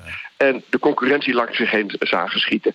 En dat is wat je, wat je krijgt als je slapend en beschermend en niet ruimtebiedend aandeelhouderschap hebt. En uh, helaas is dat het geval bij de NVM. Het, een, een goede nieuwe stimulans met een, een derde grote aanwezige aandeelhouder... waarbij de NVM de meerderheid kan houden. -huh. Maar zo'n stimulans en zo'n omgeving is nodig om Funda verder door te ontwikkelen... in het belang van de leden van de NVM en in het belang van de consument. Dank, Timo Smit, voorzitter van de vereniging Funda Belang. Chemiegigant DSM gaat zich alleen nog richten op gezondheid, voeding en biowetenschappen. Dat heeft het bedrijf zojuist bekend. Ja, over een bedrijf dat uh, kan veranderen gesproken. Door ons uitsluitend te richten op de, onze activiteit op het gebied van gezondheid, voeding en bioscience kunnen we flexibeler opereren, meer impact te maken en tegemoet komen aan de groeiende behoefte aan betere en duurzame voeding. Zo laat in ieder geval de CEO's, hè, want ze hebben er meerdere, Dimitri De Vreese en Geraldine Matchet, in een verklaring weten. Is onder andere te lezen op de site van het FD. En daarmee wordt de rest van de materialendivisie hoogstwaarschijnlijk overboord gegooid. Nou, vorig jaar nam DSM al afscheid van een deel van de materialentak. Koper was toen het uh, Duitse Covestro. Het laatste deel kan DSM meerdere miljarden opleveren. Ja, dat is dan zo'n tak uh, dat zich nog richt op het maken van sterke vezels en hoogwaardige plastics. Nou, DSM produceert de materialen ook voor de auto-industrie, ja. windmolens en beschermende kleding. Volgens het FD zien analisten de aankondiging uh, om uh, op te splitsen niet als een verrassing. Al jaren verwachten de analisten eigenlijk deze stap. En die zou goed zijn voor de waardering van de voedings- en chemieconcern op de beurs. De voedingstak is goed voor 80% van de omzet ook van deze. Dan gaan we nog even naar Amerikaanse wetenschappers. Die zijn bezig met een onderzoek dat je wel erg zou kunnen denken aan dit. The most phenomenal discovery of our time. How'd you do this? Becomes the greatest adventure of all time. Can I touch it? Sure. Jurassic Park. Ja, de Amerikaanse onderzoekers hebben iets minder gevaarlijk dier bedacht. Iets meer Ice Age, hè? Ja, precies. Ja, inderdaad. om uh, een, een, dier terug te brengen. De onderzoekers hebben 15 miljoen dollar opgehaald... om de wolharige mammoet weer tot leven te brengen. Nou, dat is... Schrijft The Guardian. Ja, ik vind het toch wel fascinerend. Die grote harige olifant stierf 10.000 jaar geleden. Het bedrijf Colossal, waar die onderzoekers werken... die wil nu olifanten-DNA uh, DNA gaan aanpassen... en daar mammoetkenmerken aan toevoegen Denk dikke haren, een dikke vetlaag. Waardoor ze tegen de kou kunnen en dus op Siberië kunnen gaan rondlopen. En die embryo's die willen ze dan weer kruisen of in ieder geval die gekruiste embryo's willen ze inbrengen bij Aziatische olifanten, omdat die aan het uitsterven zijn. Eh, Of bij kunstbaarmoeders. En over zes jaar moet er dan een mammoetbaby Ja, zijn. ja, eh, fantastisch. Maar ze weten dat de aarde opwarmt, hè? Ja, dat is ook wel weer lastig. nou ja, even. Dus je zou eigenlijk een kale mammoet moeten maken. Zoiets. Ergo een olifant. Ja, oké. Instagram heeft gezinstools om jouw gezin een veiligere en gezondere ervaring te bieden op de app. Wanneer tieners hun Instagram-profiel instellen, zorgt Standaard Privé-accounts ervoor dat wat ze posten privé blijft voor hen en hun volgers. Met een dagelijkse tijdslimiet help je jouw tiener om zich aan gezonde gewoontes te houden op de app. En door toezicht samen in te stellen, krijg je meer inzicht in wie ze volgen. Ontdek meer over deze en andere gezinstools op instagram.com/slash gezinstools. BNR Nieuwsradio. De Ochtendspits. Meindert Schut. Het is zes minuten over negen. Een goedemorgen. Het komende uur praten we hier nog bij over de belangrijkste nieuws. Dat doe ik samen met Kees Dorrestein. Goedemorgen. Het wordt nog een best lekker weer eh, dagje vandaag, maar wel bewolkt, hè? Dus als je zonnepanelen hebt, eh, ja, sorry dan maar. Ja, maar je hoeft ook niet te bang te zijn voor eh, piekbelasting. Zodat je geen saldering krijgt. Want door het overvolle stroomnet lopen eigenaren van zonnepanelen steeds vaker inkomsten mis. Om eh, overbelasting te voorkomen kunnen ze op piekmomenten geen stroom opwekken of eh, terugleveren aan het net. Wat eigenaren normaal gesproken geld oplevert hè, via saldering. Nou, alleen al via vereniging eh, Eigen Huis zijn er tientallen klachten binnengekomen van leden. Blijkt uit navraag van BNR. En bij netwerkbedrijf Alliander stroomden de klachten al helemaal binnen. Meer dan duizend in de eerste helft van dit jaar. Dat is ruim een derde meer dan vorig jaar. Hans-André de Laporte van Vereniging Eigen Huis vindt dit een grote teleurstelling. Je investeert in een milieumaatregel die ehm, behoorlijk wat geld kost, zonnepanelen op je dak. En dat kan je terugverdienen, want de stroom die je opwekt eh, en niet gebruikt, ja, die lever je terug aan het, eh, het net. Maar nou, nou blijkt dat dat net te, ja, te klein bemeten is eigenlijk. En op veel plaatsen gewoon die teruglevering niet aan kan. En dat is dan in het, in het eh, landelijk gebied, ehm, waar je vaak veel grote oppervlakte hebt met zonnepanelen. Bijvoorbeeld op schuren, bij boerderijen, maar ook die, de bekende zonneweiden. Ehm, daar, daar loopt het vast in het netwerk. Ehm, dat wordt ook wel genoemd de dunne draadjes, de dunne kabeltjes die in de grond eh, liggen. Maar ook in oude wijken van, eh, van steden, waar ook de, ja, het netwerk wat onder de grond ligt ehm, niet bemeten is. Maar, maar soms is dat nog wel op te lossen door de, door de netwerkbeheerder in de transformatorhuisjes. Daar kunnen aanpassingen worden gedaan, zodat het wel eh, werkt. Alleen, ja, het gebeurt niet. En wat er dan eh, het resultaat is, is dat het netwerk, eh, de netwerkbeheerder, jouw eigen eh, omvormer, dat is jouw eigen transformator eigenlijk, die je in huis hebt bij de zonnepanelen, uit kan zetten op afstand. Ja, en dan kan je dus niets terugleveren op die zonnige dagen. Dat je bijvoorbeeld aan het werk bent en verder geen stroom ver- ver- verbruikt. Eh, lever je dan niet meer aan het netwerk terug. Maar je kan het zelf ook niet gebruiken, want jouw zonnepanelen werken gewoon niet. En dat zie je alleen maar als je dat op een app zou kunnen zou controleren. Dat kan, maar dat moet je dan moet je de hele dag naar die app je blijven kijken. Ja, dan, ja, dan, en mensen zijn natuurlijk heel erg teleurgesteld erover. Want die zien, eh, die, eh, je kan het ver- aan- verder aan niks anders zien. Het is dus niet opeens dat er een lamp uitgaat of zoiets in je, in je meterkast. Maar het is een, eh, het op afstand uitschakelen van de systemen die je op je dak hebt liggen. Maar hoe lang duurt dat over het algemeen? Hè? Want ik begrijp ook wel dat dit vaak ja, enkele minuten per dag maximaal is.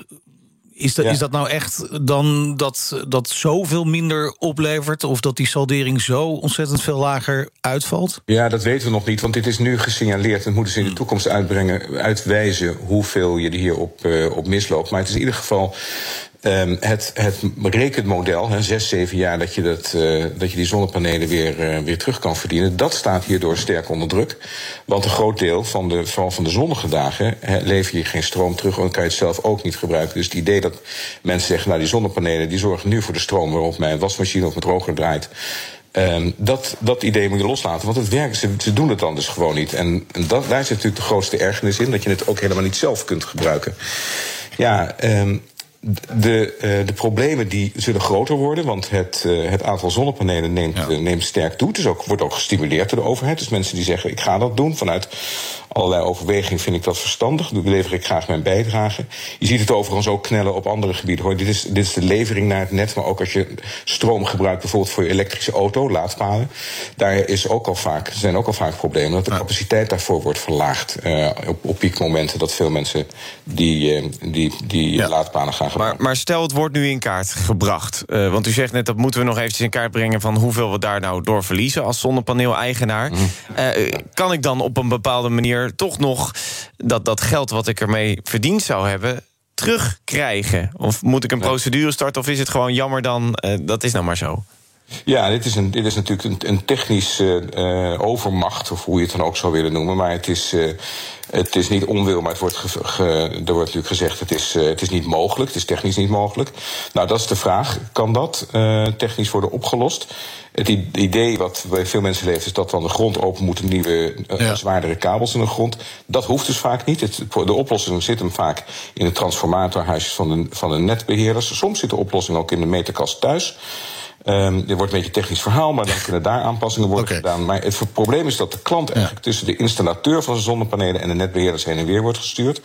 Uh, daar niet uitkomt. De netbeheerder zegt: ja, zet maar van die, van die slimme accu's in je huis. Dat zijn die grote panelen. Um, maar ja, die accu's die zijn hartstikke duur. Je terugverdientijd ja. daarvan is al 16 jaar en de, en de levensduur is 15 jaar. Dat is ook geen oplossing. Ja. Maar ja, goed, dus Netbeheer het, Nederland dus zegt bijvoorbeeld: ja, niemand heeft ooit gegarandeerd dat je het net altijd als batterij kunt gebruiken. Dus dat je het aan, aan het net kunt leveren. Er zijn huiseigenaren die zonnepanelen hebben uh, neergelegd, gewoon niet verkeerd ingelicht hierover? Dus een ja, beetje een rooskleurig beeld uh, uh, geschetst. Ja, ze zijn wel gestimuleerd om, uh, om te investeren in zonnepanelen. Want, Zeker, maar ja, er wordt ook al jaren gewaarschuwd dat het net het eigenlijk niet aan zal kunnen. Ja, ja, en dan gaat dat, uh, gaat dat door. Het is overigens niet, lang niet overal hoor. Als je woont in een uh, wijk die vrij recent is gebouwd, dan zijn daar helemaal geen problemen. Het is echt uh, specifiek op, op, op plekken in het land. En die risicokaarten die worden nu ook gemaakt voor de industrie. Die moeten ook, vinden wij, voor consumenten worden gemaakt. Dat je weet, als je in dat gebied woont, dat je een probleem kan krijgen op, op piekmomenten. Dus op de zonnige dagen. Dat, je, dat dan jouw zonnepanelen mogelijk kunnen worden uitgezet. Dus het, het is natuurlijk wel um, van belang dat je weet uh, waar je aan toe bent. En dat, dat is nu niet het geval. Het is nee. landelijk gewoon van investeren in zonnepanelen is altijd goed. En je verdient ze terug. Ja, maar wat, wat zegt uh, u nu tegen huiseigenaren die van plan zijn om zonnepanelen neer te leggen op hun dak? Nou, wees daar nu uh, uh, kritisch uh, op en vraag bij de installateur en bij een netwerkbedrijf of je in zo'n risicogebied woont. want het is nu nog moeilijk te vinden voor de consument of, of dat zo is. Dus, dus denk even na. Um, wees even voorzichtig. Ga niet dat, dat zomaar die, die dat besluit nemen. Er zijn gebieden waar al heel veel zonnepanelen liggen. Nou, daar zijn gebruikers die dat precies in de gaten houden. Die bellen ons ook als die problemen er zijn. Dus daar kan je dat, daar kan je dat ook aan, Maar ga niet blind. Uh, af op de belofte dat zonnepanelen zichzelf altijd terugverdienen. Ja, dat zegt Hans-André de Laporte van Vereniging Eigen Huis. De Rabobank stopt met investeren in de beleggingsapp Peaks, dat schrijft FD. Peaks verliest daarmee eigenlijk de grootste aan, uh, geldschieter. Hè? Ja, want de Rabobank had 80% van de aandelen in handen van uh, Peaks. De aandelen van Rabobank gaan naar twee Nederlandse investeringsfondsen. Rabobank stopte de afgelopen vijf jaar rond 27 miljoen euro in Peaks.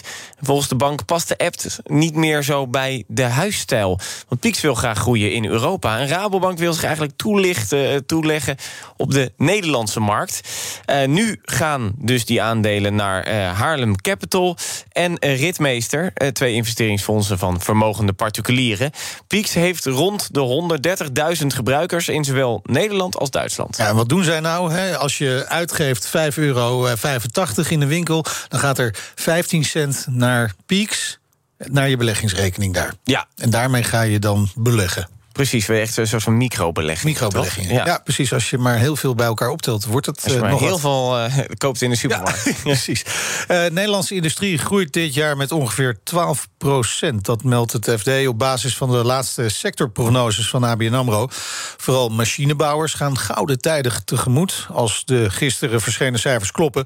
Voor dit en komend jaar wordt een groei verwacht van 30 procent. Economen van ABN AMRO verwachten dat de groei dan uh, van die industrie in 2022 afvlakt naar uh, 3 procent. Ze vinden dat ondernemers meer zouden moeten investeren in automatisering om op die manier de productiviteit op te krikken. Specifiek voor deze investeringen zijn machines nodig. Ja, en zo zijn we weer terug bij de voorspelde groei voor de machinebouwers. Overigens gaat het eh, grootste gedeelte van die machines die in Nederland worden gebouwd naar het buitenland. Nou, naast industrie zien ook de cijfers voor de vrije tijdssector er goed uit. ABN AMRO verwacht een groei van 40% voor de komende twee jaar. Dat is niet zo heel gek natuurlijk, hè, want deze sector zit uh, door de coronacrisis 50% in de min.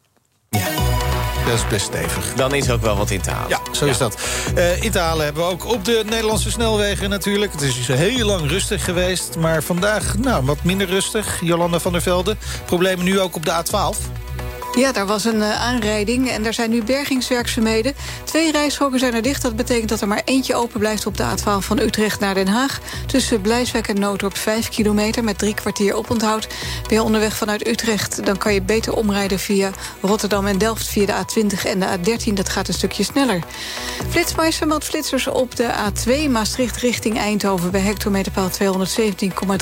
A28 Zwolle Groningen bij 105,5. En ook een op de A3 73 Maasbracht-Nijmegen bij 61,2. De door ja. schulden geplaagde Chinese vastgoedontwikkelaar uh, in uh, Evergrande. Um, de Evergrande Group ging vannacht hard onderuit op de beurs in Hongkong. Het concern waarschuwde voor een aanhoudende significante daling van de verkopen in september. Ook is het volgens Evergrande onzeker of het lukt om bepaalde onderdelen te verkopen om geld op te halen. De grote ontwikkelaar van vastgoedprojecten waarschuwde opnieuw dat het mogelijk niet aan zijn financiële verplichtingen kan voldoen. Het kelderde 11% tot het laagste niveau in zes jaar. Het bedrijf raakte dit jaar al bijna 80% van de beurswaarde kwijt vanwege de dreiging van wanbetaling. Ja, en Evergrande heeft uh, natuurlijk uh, zijn tentakels door de hele Chinese economie uh, liggen. Het is echt een gigantisch bedrijf met heel veel onderdelen. Het grootste gedeelte is die, die vastgoedsector. Maar ja, als Evergrande onderuit gaat, dan gaan heel veel andere bedrijven, maar ook particulieren, mee in die malaise. Dus het is wel een, een, spannende tijd uh, voor de Chinese economie. Wat er gebeurt met Evergrande. Evergrande New Energy Vehicle en Evergrande Property Services. Dat zijn de onderdelen die het bedrijf probeert te verkopen nu. Die verloren 22 en 10 procent. Nou, mocht Evergrande omvallen, dan zal dat waarschijnlijk grote gevolgen hebben voor de hele Chinese vastgoedmarkt. En uiteindelijk misschien voor de wereldeconomie wel effect hebben. En dus ook voor jou en voor mij. Ja, inderdaad. Uh, na acht jaar neemt Noorwegen afscheid van de conservatieve regering onder leiding van premier Solberg. De sociaal-democratische oppositiepartij van Jonas Gahr Steur... die won gisteravond de parlementsverkiezingen. Solberg legt zich neer bij de nederlaag. En volgens haar is het een duidelijke meerderheid... die een andere regering wil. Nou, dat is een ommekeer. Want de afgelopen jaren zijn er natuurlijk in Europa overwegend rechtse conservatieve coalities aan de macht geweest. En we zien nu eigenlijk voor het eerst dat er een draai is. En waarom is dit dan interessant in Noorwegen? Nou ja, we hebben natuurlijk de verkiezingen van de Oostburen. Duitsland. Duitsland Ja, ja. En daar lijkt dat ook te gebeuren. Precies, en dat zou dan kunnen betekenen dat in de rest van Europa zo'nzelfde trend te zien zal zijn Ja, de misschien komende de periode. nieuwe politieke p- trend, inderdaad. Ja, het zou kunnen. Nou, wat willen ze nou, hè, die nieuwe eh, regering? Eh, daarvoor, die moet nog wel gesmeed worden. Hè. Daarvoor zijn 85 zetels nodig. Eh, hij heeft er, de Arbeidspartij heeft er nu 48. Eh, ze willen gaan werken inderdaad met centrumlinkse partijen. Nou, wat willen ze? Belasting verlagen voor lage en middeninkomens, tarieven voor rijkere Noren verhogen. Eh, ook willen ze de CO2-uitstoot terugdringen, zoals in het klimaatverdrag van Parijs gesteld is. En die Steuren, dat is wel een interessante eh, eh, politiek leider in Noorwegen. Hij was namelijk eerst minister van Buitenlandse Zaken onder premier Jens Stoltenberg. En dat is natuurlijk wel voor heel veel mensen een hele bekende Noorse politicus. Exact, ja. Uh, de Gezondheidsraad komt vandaag met een advies over een uh, extra coronaprik. Zo'n uh, boosterprik, dat dan het afweersysteem een oppepper geeft. er zouden dan nieuwe antistoffen worden aangemaakt tegen het virus... zodat mensen beter beschermd zijn. En ze gaan vooral kijken, net zoals bijvoorbeeld landen als Duitsland en België... waar dat al besloten is, of voor risicogroepen dan een advies moet komen... dat ze inderdaad die extra coronaprik moeten krijgen. De WHO die zegt, geef nou liever eerst een prik aan de armere landen landen. Hebben ze al eerder gezegd natuurlijk. We gaan naar uh, chemiegigant DSM. Dat bedrijf gaat zich alleen nog richten op gezondheid, voeding en biowetenschappen. Maakt het bedrijf vanochtend bekend. Worden ze flink voor beloond op de beurs, zo lijkt het in ieder geval. Uh, en daarmee lijkt het erop dat de materialendivisie overboord gaat. Corné van Zijl, analist bij Actiam. Goedemorgen, Corné. Goedemorgen. Wat betekent dit nou, deze uh, actie voor het bedrijf? Nou, het betekent eigenlijk het voortzetten van het voorgaande beleid wat ze al eerder hadden gehad. Uh, vorig jaar is er al een heel groot gedeelte van die materialen tak uh, de deur uitgegaan. Voor een hele mooie prijs, moet ik zeggen. 1 miljard omzet voor 1,6 miljard opbrengst. Dus dat ja, was wel echt wel serieus geld. En in de tussentijd hebben ze opnieuw wat, wat voedingsbedrijven op, opgekocht. First Choice, Erber Group en Glicom. Samen kostte dat 2 miljard. Dus dan zie je dat het ja, steeds verder en verder gaat en steeds meer een voedingsbedrijf wordt. En dit is dan eigenlijk het laatste hoofdstuk. Ja, als, als we kijken dan uh, naar de producten waar DSM zich uh, in de toekomst op wil gaan richten, wat zijn dat voor producten precies? Ja, steeds meer voedingsmiddelingrediënten. Ja. Uh, voor zowel mens als dier. Uh, gezonde voeding. ze gaan het ook in die, die voedingsmiddelen. Ja, het, het, is nu een voedingsmiddel, dus dat hebben ze ook in drie takken nu opgesplitst. zodat het beter gemanaged kan worden. En je ziet dat het dus nu ook verder gaat. Ja, ik moet zeggen, een van de mooiere. nou, het was niet echt een overname, maar verdergaande samenwerking met, met Meatable. dat is kweekvlees. Ik vind kweekvlees altijd zo. Ja, een beetje. Klinkt niet lekker, maar. Klinkt Ja, precies. Nee, het klinkt niet lekker, inderdaad. Maar het, het is gewoon vlees. Toevallig ja. heb ik de CEO vorige week daarvan nog gesproken. En die was razend enthousiast. Uh, als start-up uh, moet je dat ook wel zijn, natuurlijk. Ja. Maar ik denk dat de combinatie tussen DSM en dit soort dingen echt wel heel mooi de richting aangeeft.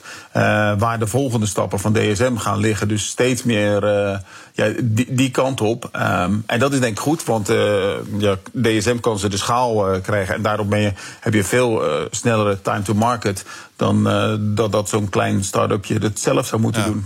En die materialendivisie, hè, zijn daar kopers voor op de markt? Ja, vast wel. Um, het is met name de hoogwaardige plastics en de vezels.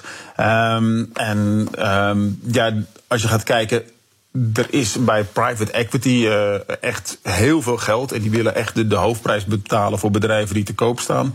Dus wat dat betreft is het een hele mooie timing. Ook, ook de als je gaat kijken naar de winstontwikkeling, uh, daar is dit jaar eigenlijk uh, weer een heel mooi winstherstel. Uh, dus wat dat betreft ook goede timing. Um, ja, en er worden hoofdprijzen betaald, steken op private equity. Als je gaat kijken naar de waarderingen daar, die zijn hoger dan op de gewone beurs. Dus wat dat betreft is dat een ideale tijdstip uh, om, om te gaan verkopen. De vorige oh, verkoop hebben ze gedaan aan Covestro. Dat was een, ja. ja een sectorgenoot in die, in die, in die sector. Dat kan ook. als daar partijen zijn die die vezels van DSM heel erg mooi vinden... of die plastics, ja, dan kan ik me voorstellen dat daar ook een goede koper is. Maar er staan in ieder geval genoeg mensen langs de zijlijnen... om, om te kijken van, of dat wat voor ze is. Dus ik, ik twijfel niet over de, nee. dat er een mooie prijs zou uitkomen. DSM kiest dus dus duidelijk een, een koers voor de toekomst. Is DSM daarmee ook, ook klaar voor de toekomst? Uh, ja, klaar ben je nooit. uh, kijk, als je gaat kijken, DSM is een prachtig voorbeeld van een bedrijf wat zich voortdurend opnieuw ontwikkelt ja. en opnieuw uitvindt. Uh, van de staatsmijnen uh, naar, naar, chemie, naar petrochemie, naar, naar plastics, vezels en naar voeding. Dus wat dat betreft hebben ze al veel stadia doorgedaan. En ik denk zoiets als Meetable, dat dat een nieuwe uh, tak van sport kan worden en daarmee zich opnieuw gaat, uh, ja, weer een deel gaat uitvinden. Dus wat dat betreft denk ik dat, dat, die, dat die reis voortdurend is en dat hoort ook bij een, een bedrijf. Wat wel aardig is, als je naar de waarderingen gaat kijken, bij DSM is tegenwoordig als, als voedingsingrediëntenbedrijf een van de duurdere bedrijven van de beurs. Maar als je het gaat vergelijken met, met concurrenten zoals Givaudan of Novozymes, ja, die zijn niet duur, die zijn heel erg duur. Dus van, van duur naar heel erg duur is er nog wel wat te halen qua, qua extra waardering. En dat zie je vandaag een beetje op de koers uh, verdisconteerd. Ja, precies. Want uh, op dit moment de koers 4,5% in de plus, ongeveer. Ja, ik zag net 3%, een okay. klein tikje terug. Maar uh, het, kijk, het is, het is natuurlijk ook geen complete verrassing voor beleggers. Dit, men wist wel dat ja, dit eraan zat te komen. Dus vandaar anders had de reactie wel wat groter geweest. Dankjewel. Corné van Zijl, analist bij Actiam. De column van Marianne Zwagerman. Video zou de radiostar killen, maar de sluipschutter kwam van de andere kant. Voor het eerst sinds het ontstaan van de prijs in 1966 kreeg niet een omroep, maar een krantenzilveren reismicrofoon voor het beste radioprogramma uitgereikt. NRC ging er met de radioprijs vandoor voor de podcast van de krant. Dat de juryvoorzitter in diezelfde krant stukjes schrijft over radio is natuurlijk klein bier. In een land waar zittende ministers overstappen naar lobbyclubs. Dus laten we daar niet achterdochtig over doen. De podcasts van NRC zijn uitstekend en weten naar verluid een jonger publiek te trekken dan de nieuwsradiozenders via de ether doen. De NRC-hoofdredacteur noemt de prijs een aansporing om verder te groeien als NRC Audio. En dat hoop ik van harte. Niet alleen NRC maakt interessante podcasts, ook bij de Telegraaf en de Volkskrant worden pareltjes gemaakt die ik niet graag mis. Ik hoop alleen dat door al dat podcast-enthousiasme bij de kranten de aandacht voor videonieuws niet verslapt. Bij DPG, moederbedrijf van onder meer de Volkskrant, Nu.nl en het AD, is vorige week een nieuwe directeur video aangenomen. Maar die moet vooral tijdloze info- en entertainment-formats gaan maken in het verlengde van het nieuws. Dat klinkt een beetje als het totaal geflopte Telegraaf vandaag. Terwijl er voor de nieuwsbedrijven die we vroeger kranten noemden, juist met de kerncompetentie nog zoveel meer te doen is. Nederland is nu al een week in de ban van de lezing van Sigrid Kaag op het podium van EW Magazine, het vroegere Elsevier, dat als enige opinieblad nog een oplage heeft die iets voorstelt. De tekst van de lezing, die de formatie beïnvloedt en misschien zelfs wel nieuwe verkiezingen veroorzaakt, wordt als boekje in de webshop van het blad te koop aangeboden en staat afgedrukt in het blad.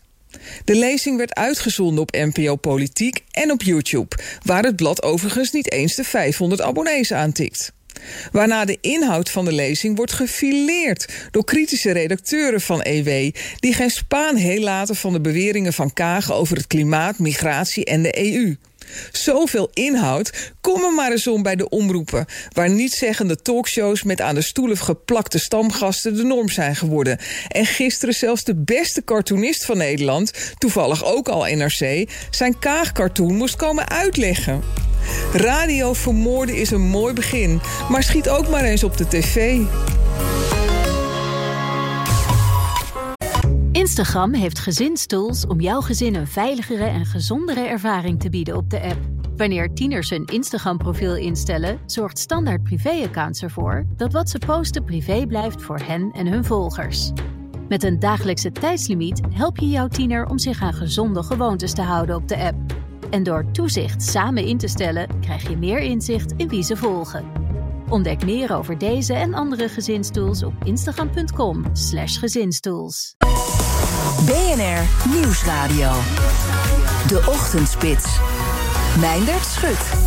Het is zes minuten over half tien. Goed dat je luistert. Funda-topman Quintin Schevernels die vertrekt eind dit jaar. Dat doet hij omdat onrust onder de aandeelhouders ervoor zorgt dat de strategie niet goed kan worden uitgevoerd. Ja, makelaarsvereniging NVM heeft al enige tijd ruzie met een groep aandeelhouders, de vereniging Funda Belang.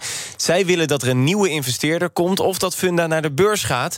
NVM die is het daar niet mee eens. En op dit moment is NVM de grootste aandeelhouder met 70% van de aandelen. Timo Smit, voorzitter van de vereniging Funda Belang, vindt het vertrek van de topman teleurstellend. Quinten Schevenaars is echt een CEO, de juiste man op de juiste plaats voor Funda. Uh, wij uh, hebben hem altijd gesteund en vinden hem een, uh, ja, een, een, ondernemer die veel meer ruimte zou moeten hebben om zijn visie te ontwikkelen. En ja, goed uitleggend hoe de werkelijke stand van zaken is, dan is het gewoon het gebrek aan die ruimte die hem toch zeg maar zo benauwd dat hij er nu mee stopt. Dus hij stond een beetje aan jullie kant wat betreft dat, begrijp ik dan ook? Inhoudelijk is er geen millimeter verschil in visie over de toekomst van uh, Funda tussen Funda Belang en de onderneming Funda. Het probleem is dat de onderneming Funda veel meer kan en zou kunnen uh, dan ze nu uh, mag doen, omdat de grote aandeelhouder met een stemrecht van 90% zo is het nooit bedoeld in Funda, maar goed, dat is nu het, het geval. Die groot aandeelhouder trekt voortdurend aan de rem. En, en ja, speelt. De, de groot aandeelhouder is de NVM, is een brancheorganisatie. En ja, dat zegt het eigenlijk al direct. Daarmee is zo'n onderneming in te beschermende en te remmende handen. Je kunt natuurlijk zijn vertrek ook anders uitleggen. Hij, hij zegt in ieder geval: het, de strategie kon niet worden goed worden uitgevoerd vanwege de onrust onder de aandeelhouders. Is dat ook niet gewoon een boodschap? Stop nou eens met ruzie, Nou, we, er is ons alles aan gelegen om te stoppen met ruzie. Maar dat betekent wel dat uh, het uitgangspunt uh, voor Funda een gezond uitgangspunt moet zijn. Funda is uniek in de wereld, is een prachtige onderneming. Maar uh, de concurrentie ligt niet stil. En als je als groot aandeelhouder het belang van je leden ja, wat dat dan ook is hoor, het belang van je leden stelt voor het belang van Funda, ja, dan komt er geen goed uitgangspunt om Funda verder te ontwikkelen en, en, en gezond te houden. De, de Raad van Commissarissen heeft gezegd: we willen in gesprek met, met de aandeelhouders, met, met u dus, om te kijken hoe het nu verder gaat. Wat verwacht u van zo'n gesprek? Nou, nogmaals, met de Raad van Commissarissen en ook met Funda zitten wij qua uh, inhoud van, de, van wat voor de toekomst nodig is op één lijn. Dus, moet eigenlijk dus natuurlijk, morgen willen we in gesprek. Zijn, niemand is gebaat bij ruzie. Niemand is op zoek naar ruzie. Maar we hebben natuurlijk wel hele heldere, helaas verschillende standpunten over wat goed is voor, voor Funda. En de NVM is wel aan het bewegen. Dus wij hopen dat ook deze stap ertoe leidt dat de NVM uh, forsere en betere stappen zal maken om de toekomst van Funda uh, te verstevigen. Nu gaat de Raad van Commissarissen, zoals uh, Meindert al zegt, die, die gaat nu kijken wat het nieuwe profiel moet worden van de nieuwe CEO. in overleg met de aandeelhouders. Maar ja, NVM heeft ook het meeste stemrecht. Dus wordt het dan een, een ja-knikker richting het NVM? Nou, dat is dus precies wat we vrezen. En uh, overigens, deze Raad van Commissarissen is uh, Raad van Commissarissen van een onafhankelijk funda. Maar met zo'n groot aandeelhouder die 90% stemrecht heeft. Ja, wat stelt dat voor en wat stelt dat ook voor de toekomst voor? En hoe groot is dan de uitdaging voor een uh, CEO die in zo'n ambiance moet gaan functioneren? Want in feite hebt u gelijk. Met als je aandeelhouder een bezit heeft van 90%, dan ligt daar de macht. Ja. En uh, het moet een onafhankelijke onderneming zijn. Ja. Wat betekent het nou voor Funda als uh, die transitie niet plaatsvindt? Hè? Want uh, Kees zei het eigenlijk begin van dit gesprek. Het gaat eigenlijk hartstikke goed met Funda, financieel gezien dan. Het probleem van ondernemingen die hartstikke goed gaan, is dat als ze niet door blijven ontwikkelen, die, dat hele goede gaan uh, van de baan raakt. Kijkt u eens naar, in, met name in, in, ondernemingen op dit uh, platformgebied. Uh -huh. Kijkt u eens naar Nokia, kijkt u eens naar Motorola. Waar zijn ze nog? Ja, zo kunnen we nog een je, lijstje opnoemen. Kodak. Ja, Nokia die heeft best wel een goede hardware-tak op dit moment, eh, trouwens. Kijk, hoe lang is het? na, na hoeveel tijd? Na hoeveel wel... ellende? Precies. Doordat ze veel eerder de poot totaal misten... En de concurrentie langs zich heen zagen schieten. En dat is wat je, wat je krijgt als je slapend en beschermend en niet ruimtebiedend aandeelhouderschap hebt. En uh, helaas is dat het geval bij de NVM. Een, een, goede nieuwe stimulans met een, derde grote uh, aanwezige aandeelhouder, waarbij de NVM de meerderheid kan houden. -huh. Maar zo'n stimulans en zo'n uh, omgeving is nodig om Funda verder door te ontwikkelen in het belang van de leden van de NVM en in het belang van de consument. En dat zegt Timo Smit. Hij is de voorzitter van de vereniging Funda Belang. NVM hebben natuurlijk ook om een reactie gevraagd, maar zij willen niet opzender reageren op het vertrek van eh, de topman Quintin Schevernels.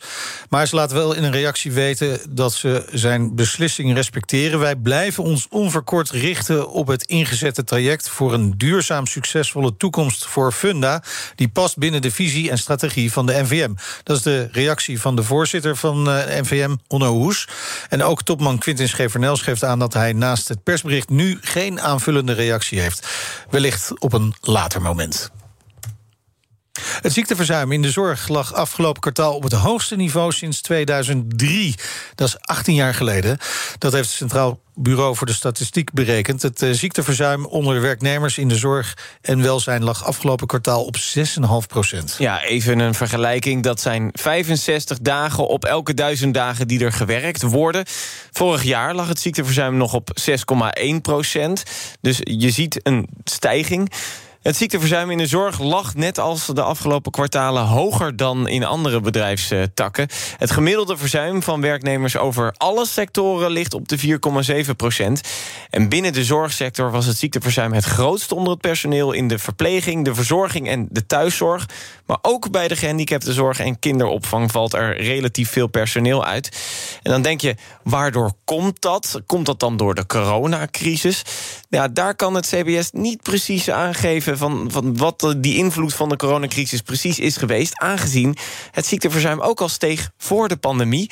In de Telegraaf heeft CBS-hoofdeconoom Peter Heijn van Mulligen gereageerd. En die zegt: De zorg is niet de meest vergrijsde sector van Nederland, maar het personeel is wel ouder dan gemiddeld. De vergrijzing kan dus een oorzaak zijn. Oudere werknemers melden zich niet vaker ziek, maar zijn vaak wel langer ziek. En dat kan je terugzien in de verzuimcijfers. Ook de werkdruk kan een rol spelen. Eh, we weten ook dat zorgmedewerkers relatief vaak vervelende interacties hebben met patiënten en bezoekers. En dat kan leiden tot toenemend aantal eh, stressgevallen en een langdurige uitval door burn-out, zegt hij. Tech Update. Ja, tijd voor de tech-update met uh, Joe van Buurik. Goedemorgen, Joe. Hey, Meijnerd. Google, laten we daarmee beginnen, krijgt een boete van 177 miljoen dollar. Dat klopt, van de marktwaakhond in Korea. Wegens machtsmisbruik ten opzichte van andere fabrikanten van Android-apparaten. Ja, dat is nou geen verrassing, want laat nou twee hele grote spelers, Samsung en LG, uit Korea ja. komen. Dus uh, overeenkomsten die ze moeten tekenen om Android te gebruiken, die zijn te beperkend uh, voor hun eigen variaties daarop, zal uh -huh. ik maar zeggen. En naast de boete die de waakhond in Korea heeft opgelegd, mag Google ze niet meer dwingen om die overeenkomsten te tekenen. Ook andere bedrijven dus. Google is het daar natuurlijk niet mee eens. Die zeggen juist dankzij de manier waarop Android gebruikt wordt, zijn die Koreaanse fabrikanten zo gegroeid. En ze willen natuurlijk in beroep gaan. Ja, maar dit is ook, ze hebben ook al Apple aangepakt.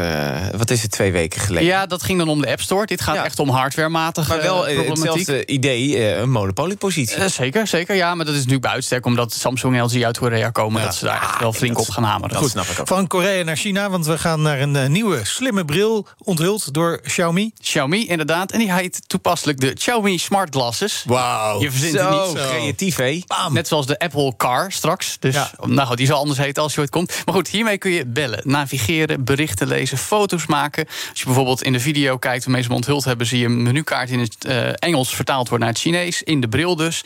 Uh, dat gebeurt via een monochrome projectie. Een soort groen-gele kleur uh, op de brilglazen... met micro-LED-technologie. Nog erg duur, weinig gebruikt. Er is alleen een grote maar... Want hoe leuk het ook allemaal klinkt, dit ding komt niet op de markt. Oh. Nou, Joe, waarom ben je dit aan het vertellen? Ga nou, uit de studio. Nee, maar dit is wel interessant. Want natuurlijk, de, de slimme bril van Facebook en Ray-Ban, de Stories, die is wel te kopen. Die heeft nog geen display.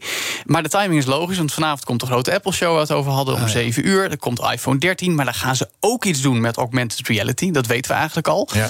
En wat interessant is, toch een beetje case study... die Xiaomi-bril die heeft geen smartphone nodig. Het is echt okay. een standalone device. Ze presenteert als de opvolger van de smartphone. En dat is wel wat de goeroes over augmented reality brillen zeggen. Ja, en het aardige vind ik wel, hij ziet er ook uit als een bril. Ja.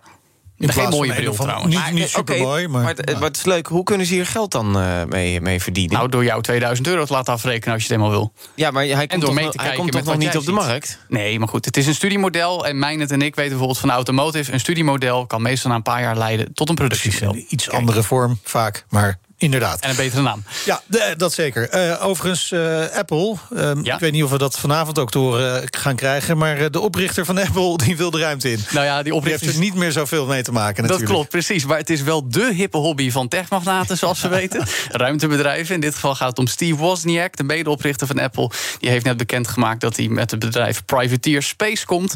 Hij wil zich daarmee gaan inzetten om de ruimte, ik citeer, veilig en toegankelijk te houden voor de hele mensheid. Ja, ruimtetoerisme, cashen. Nou ja, dat zal er moeten blijken. Uh, dat gaan we overigens later deze week horen tijdens de Hawaïaanse ruimteconferentie Amos. Wat we wel weten is dat hij samenwerkt met een andere voormalig Apple-medewerker, Alex Fielding. Die hebben al meerdere bedrijven samen gerund. Maar ja, hoe gaat het anders worden dan de activiteit nou, van Branson? Een heel mooi gedesignde raket natuurlijk. Ja? Die, wat, uh... wat, stel je voor? Wat voor vormen? Beetje, beetje rond? Of, uh... Ja, nee, de, de, ik bedoel... Apple 2? Ja, uiteindelijk is toch gewoon de vraag van... hoe kan die hier een beetje een hippe vallers van maken? Nou ja, Want dat doen en, ze allemaal. En het nou, voordeel is natuurlijk dat als het een Apple-product is... dat iedereen hem kan besturen. Ja, als het goed is wel, maar hij wordt wel duur. Ja. Nee, Ja, dus niet maar heeft dan wel weer kopen. 1 terabyte eh, geheugen. En, en als je terug naar de aarde wil, moet je extra bijbetalen voor een brandstoftank. Ja, Goed, we kunnen nog heel lang door fantaseren. Moeten we misschien eens later gaan doen. Eh, in ieder geval vanavond eh, die persconferentie, de, de, de ja, presentatie, de show van California Apple. streaming. Ja. 7 uur. Jij gaat die kijken, toch? En niet de persconferentie. Zullen we, eh, zullen we gewoon ze naast elkaar zetten, Kees? Gewoon twee dat- schermen. Ja, dan Kijken kijk welke langst leuk is. En dan... eh, Het is jammer dat je niet met die, met die, die bril van eh, Xiaomi dat gewoon kunt kun je ze allebei tegelijk zien. Ene oog, andere oog. Ja, Ik, precies. ik vind eigenlijk ook dat, dat Rutte ook een one more thing moet doen. En one more Oh, thing, ja. de festivals gaan wel helemaal open. Zoiets. Goed, Mooi. het is klaar, jongens. Dankjewel, Joe van Buurik. De BNR Tech Update wordt mede mogelijk gemaakt door Lenklen. Lenklen. Betrokken expertise, gedreven resultaat. Jongens en spulletjes. 12 minuten voor 10. Het is tijd voor de verkeersinformatie van de ANWB met Jolanda van der Velde. Jolanda, staat het ergens nog vast? Een klein beetje nog bij Eindhoven. Er was een aanrijding op de A2 van Maastricht naar Eindhoven. Alle rijstroken zijn weer open tussen Afrit Valkenswaard en Knopende Hoogt 4 kilometer... met bijna een kwartier vertraging. Flitsmeister die meldt flitsers op de A2 Maastricht richting Eindhoven... bij hectometerpaal 218,4. En ook eentje op de A2 Amsterdam in de richting Utrecht bij 56,8. BNR Nieuwsradio. Dik 10 minuutjes en dan is het weer tijd voor BNR's Big Five... met Diana Matroos deze week. Diana, eh, wie heb jij te gast? Ik heb eh, straks Pieter Tops eh, te gast. Wij doen deze week de week van de ondermijning. Ja. Hè? Dus kijken van nou ja, hoe heeft het zover kunnen komen? Hoe erg is het en wat zit er allemaal nog aan te komen? Nou, Pieter Tops is bijzonder hoogleraar ondermijningsstudies. Hij schreef er ook boeken over. Een aantal grote onderzoeken gepubliceerd. En hij is ook lector aan de politieacademie. Praat ook met politieagenten. Dus ja, dat wil ik Ja. natuurlijk ook van hem weten. Wat vertellen die agenten? Want die moeten uiteindelijk dit soort dingen ook gaan oplossen. Ja, dat het niet alleen de oplossing van bestuurslagen hoog overkomen... maar ook van de mensen die daadwerkelijk op de straat bezig zijn. Ja, zeker. En het is gewoon een veelkoppig monster natuurlijk. Ook heel moeilijk hoe je dat moet eh, oplossen. En wat ik ook wel van hem wil weten... want dat merkte je ook wel gisteren in het gesprek... eh, wat ik had met Paul Vugts... eh, toch niet een hele hoge pet op... hoe dat vanuit de landelijke overheid wordt aangestuurd. Ik ben heel benieuwd hoe kritisch hij daarover is. Zeker. Straks om 10 uur BNR's Big Five met Diana Matroos. Het is eh, persconferentiedag, eh, Kees. Vanavond 7 uur. Apple. Oh, Nee, ik dacht dat niet je weer over de coronapersconferentie... Ja, precies, we gaan het over die Nou, corona- we zenden hem ook uit hier op BNR. Zeker dus stel je zit in de auto ehm, eh, of, of je, je bent gewoon druk... en je hebt helemaal geen tijd om dat schermpje erbij te pakken. Gewoon lekker eventjes oortjes in en dan hoor je het eh, bij ons in de middag. anders doen ook erbij. Ja, dat Mond uitlaten bijvoorbeeld. Dat is, dat is perfect. Koken. En dan krijg je alles gewoon op de hoogte. En daarna ook nog even direct een goede analyse daarna. Hè? Want dat, dat, dat, dus niet alleen maar even vragen van journalisten. Nee. Nou, het kabinet praat vandaag verder over de maatregelen... met onder andere het Hè. Dat zijn de 25 voorzitters eh, van de veiligheidsregio's.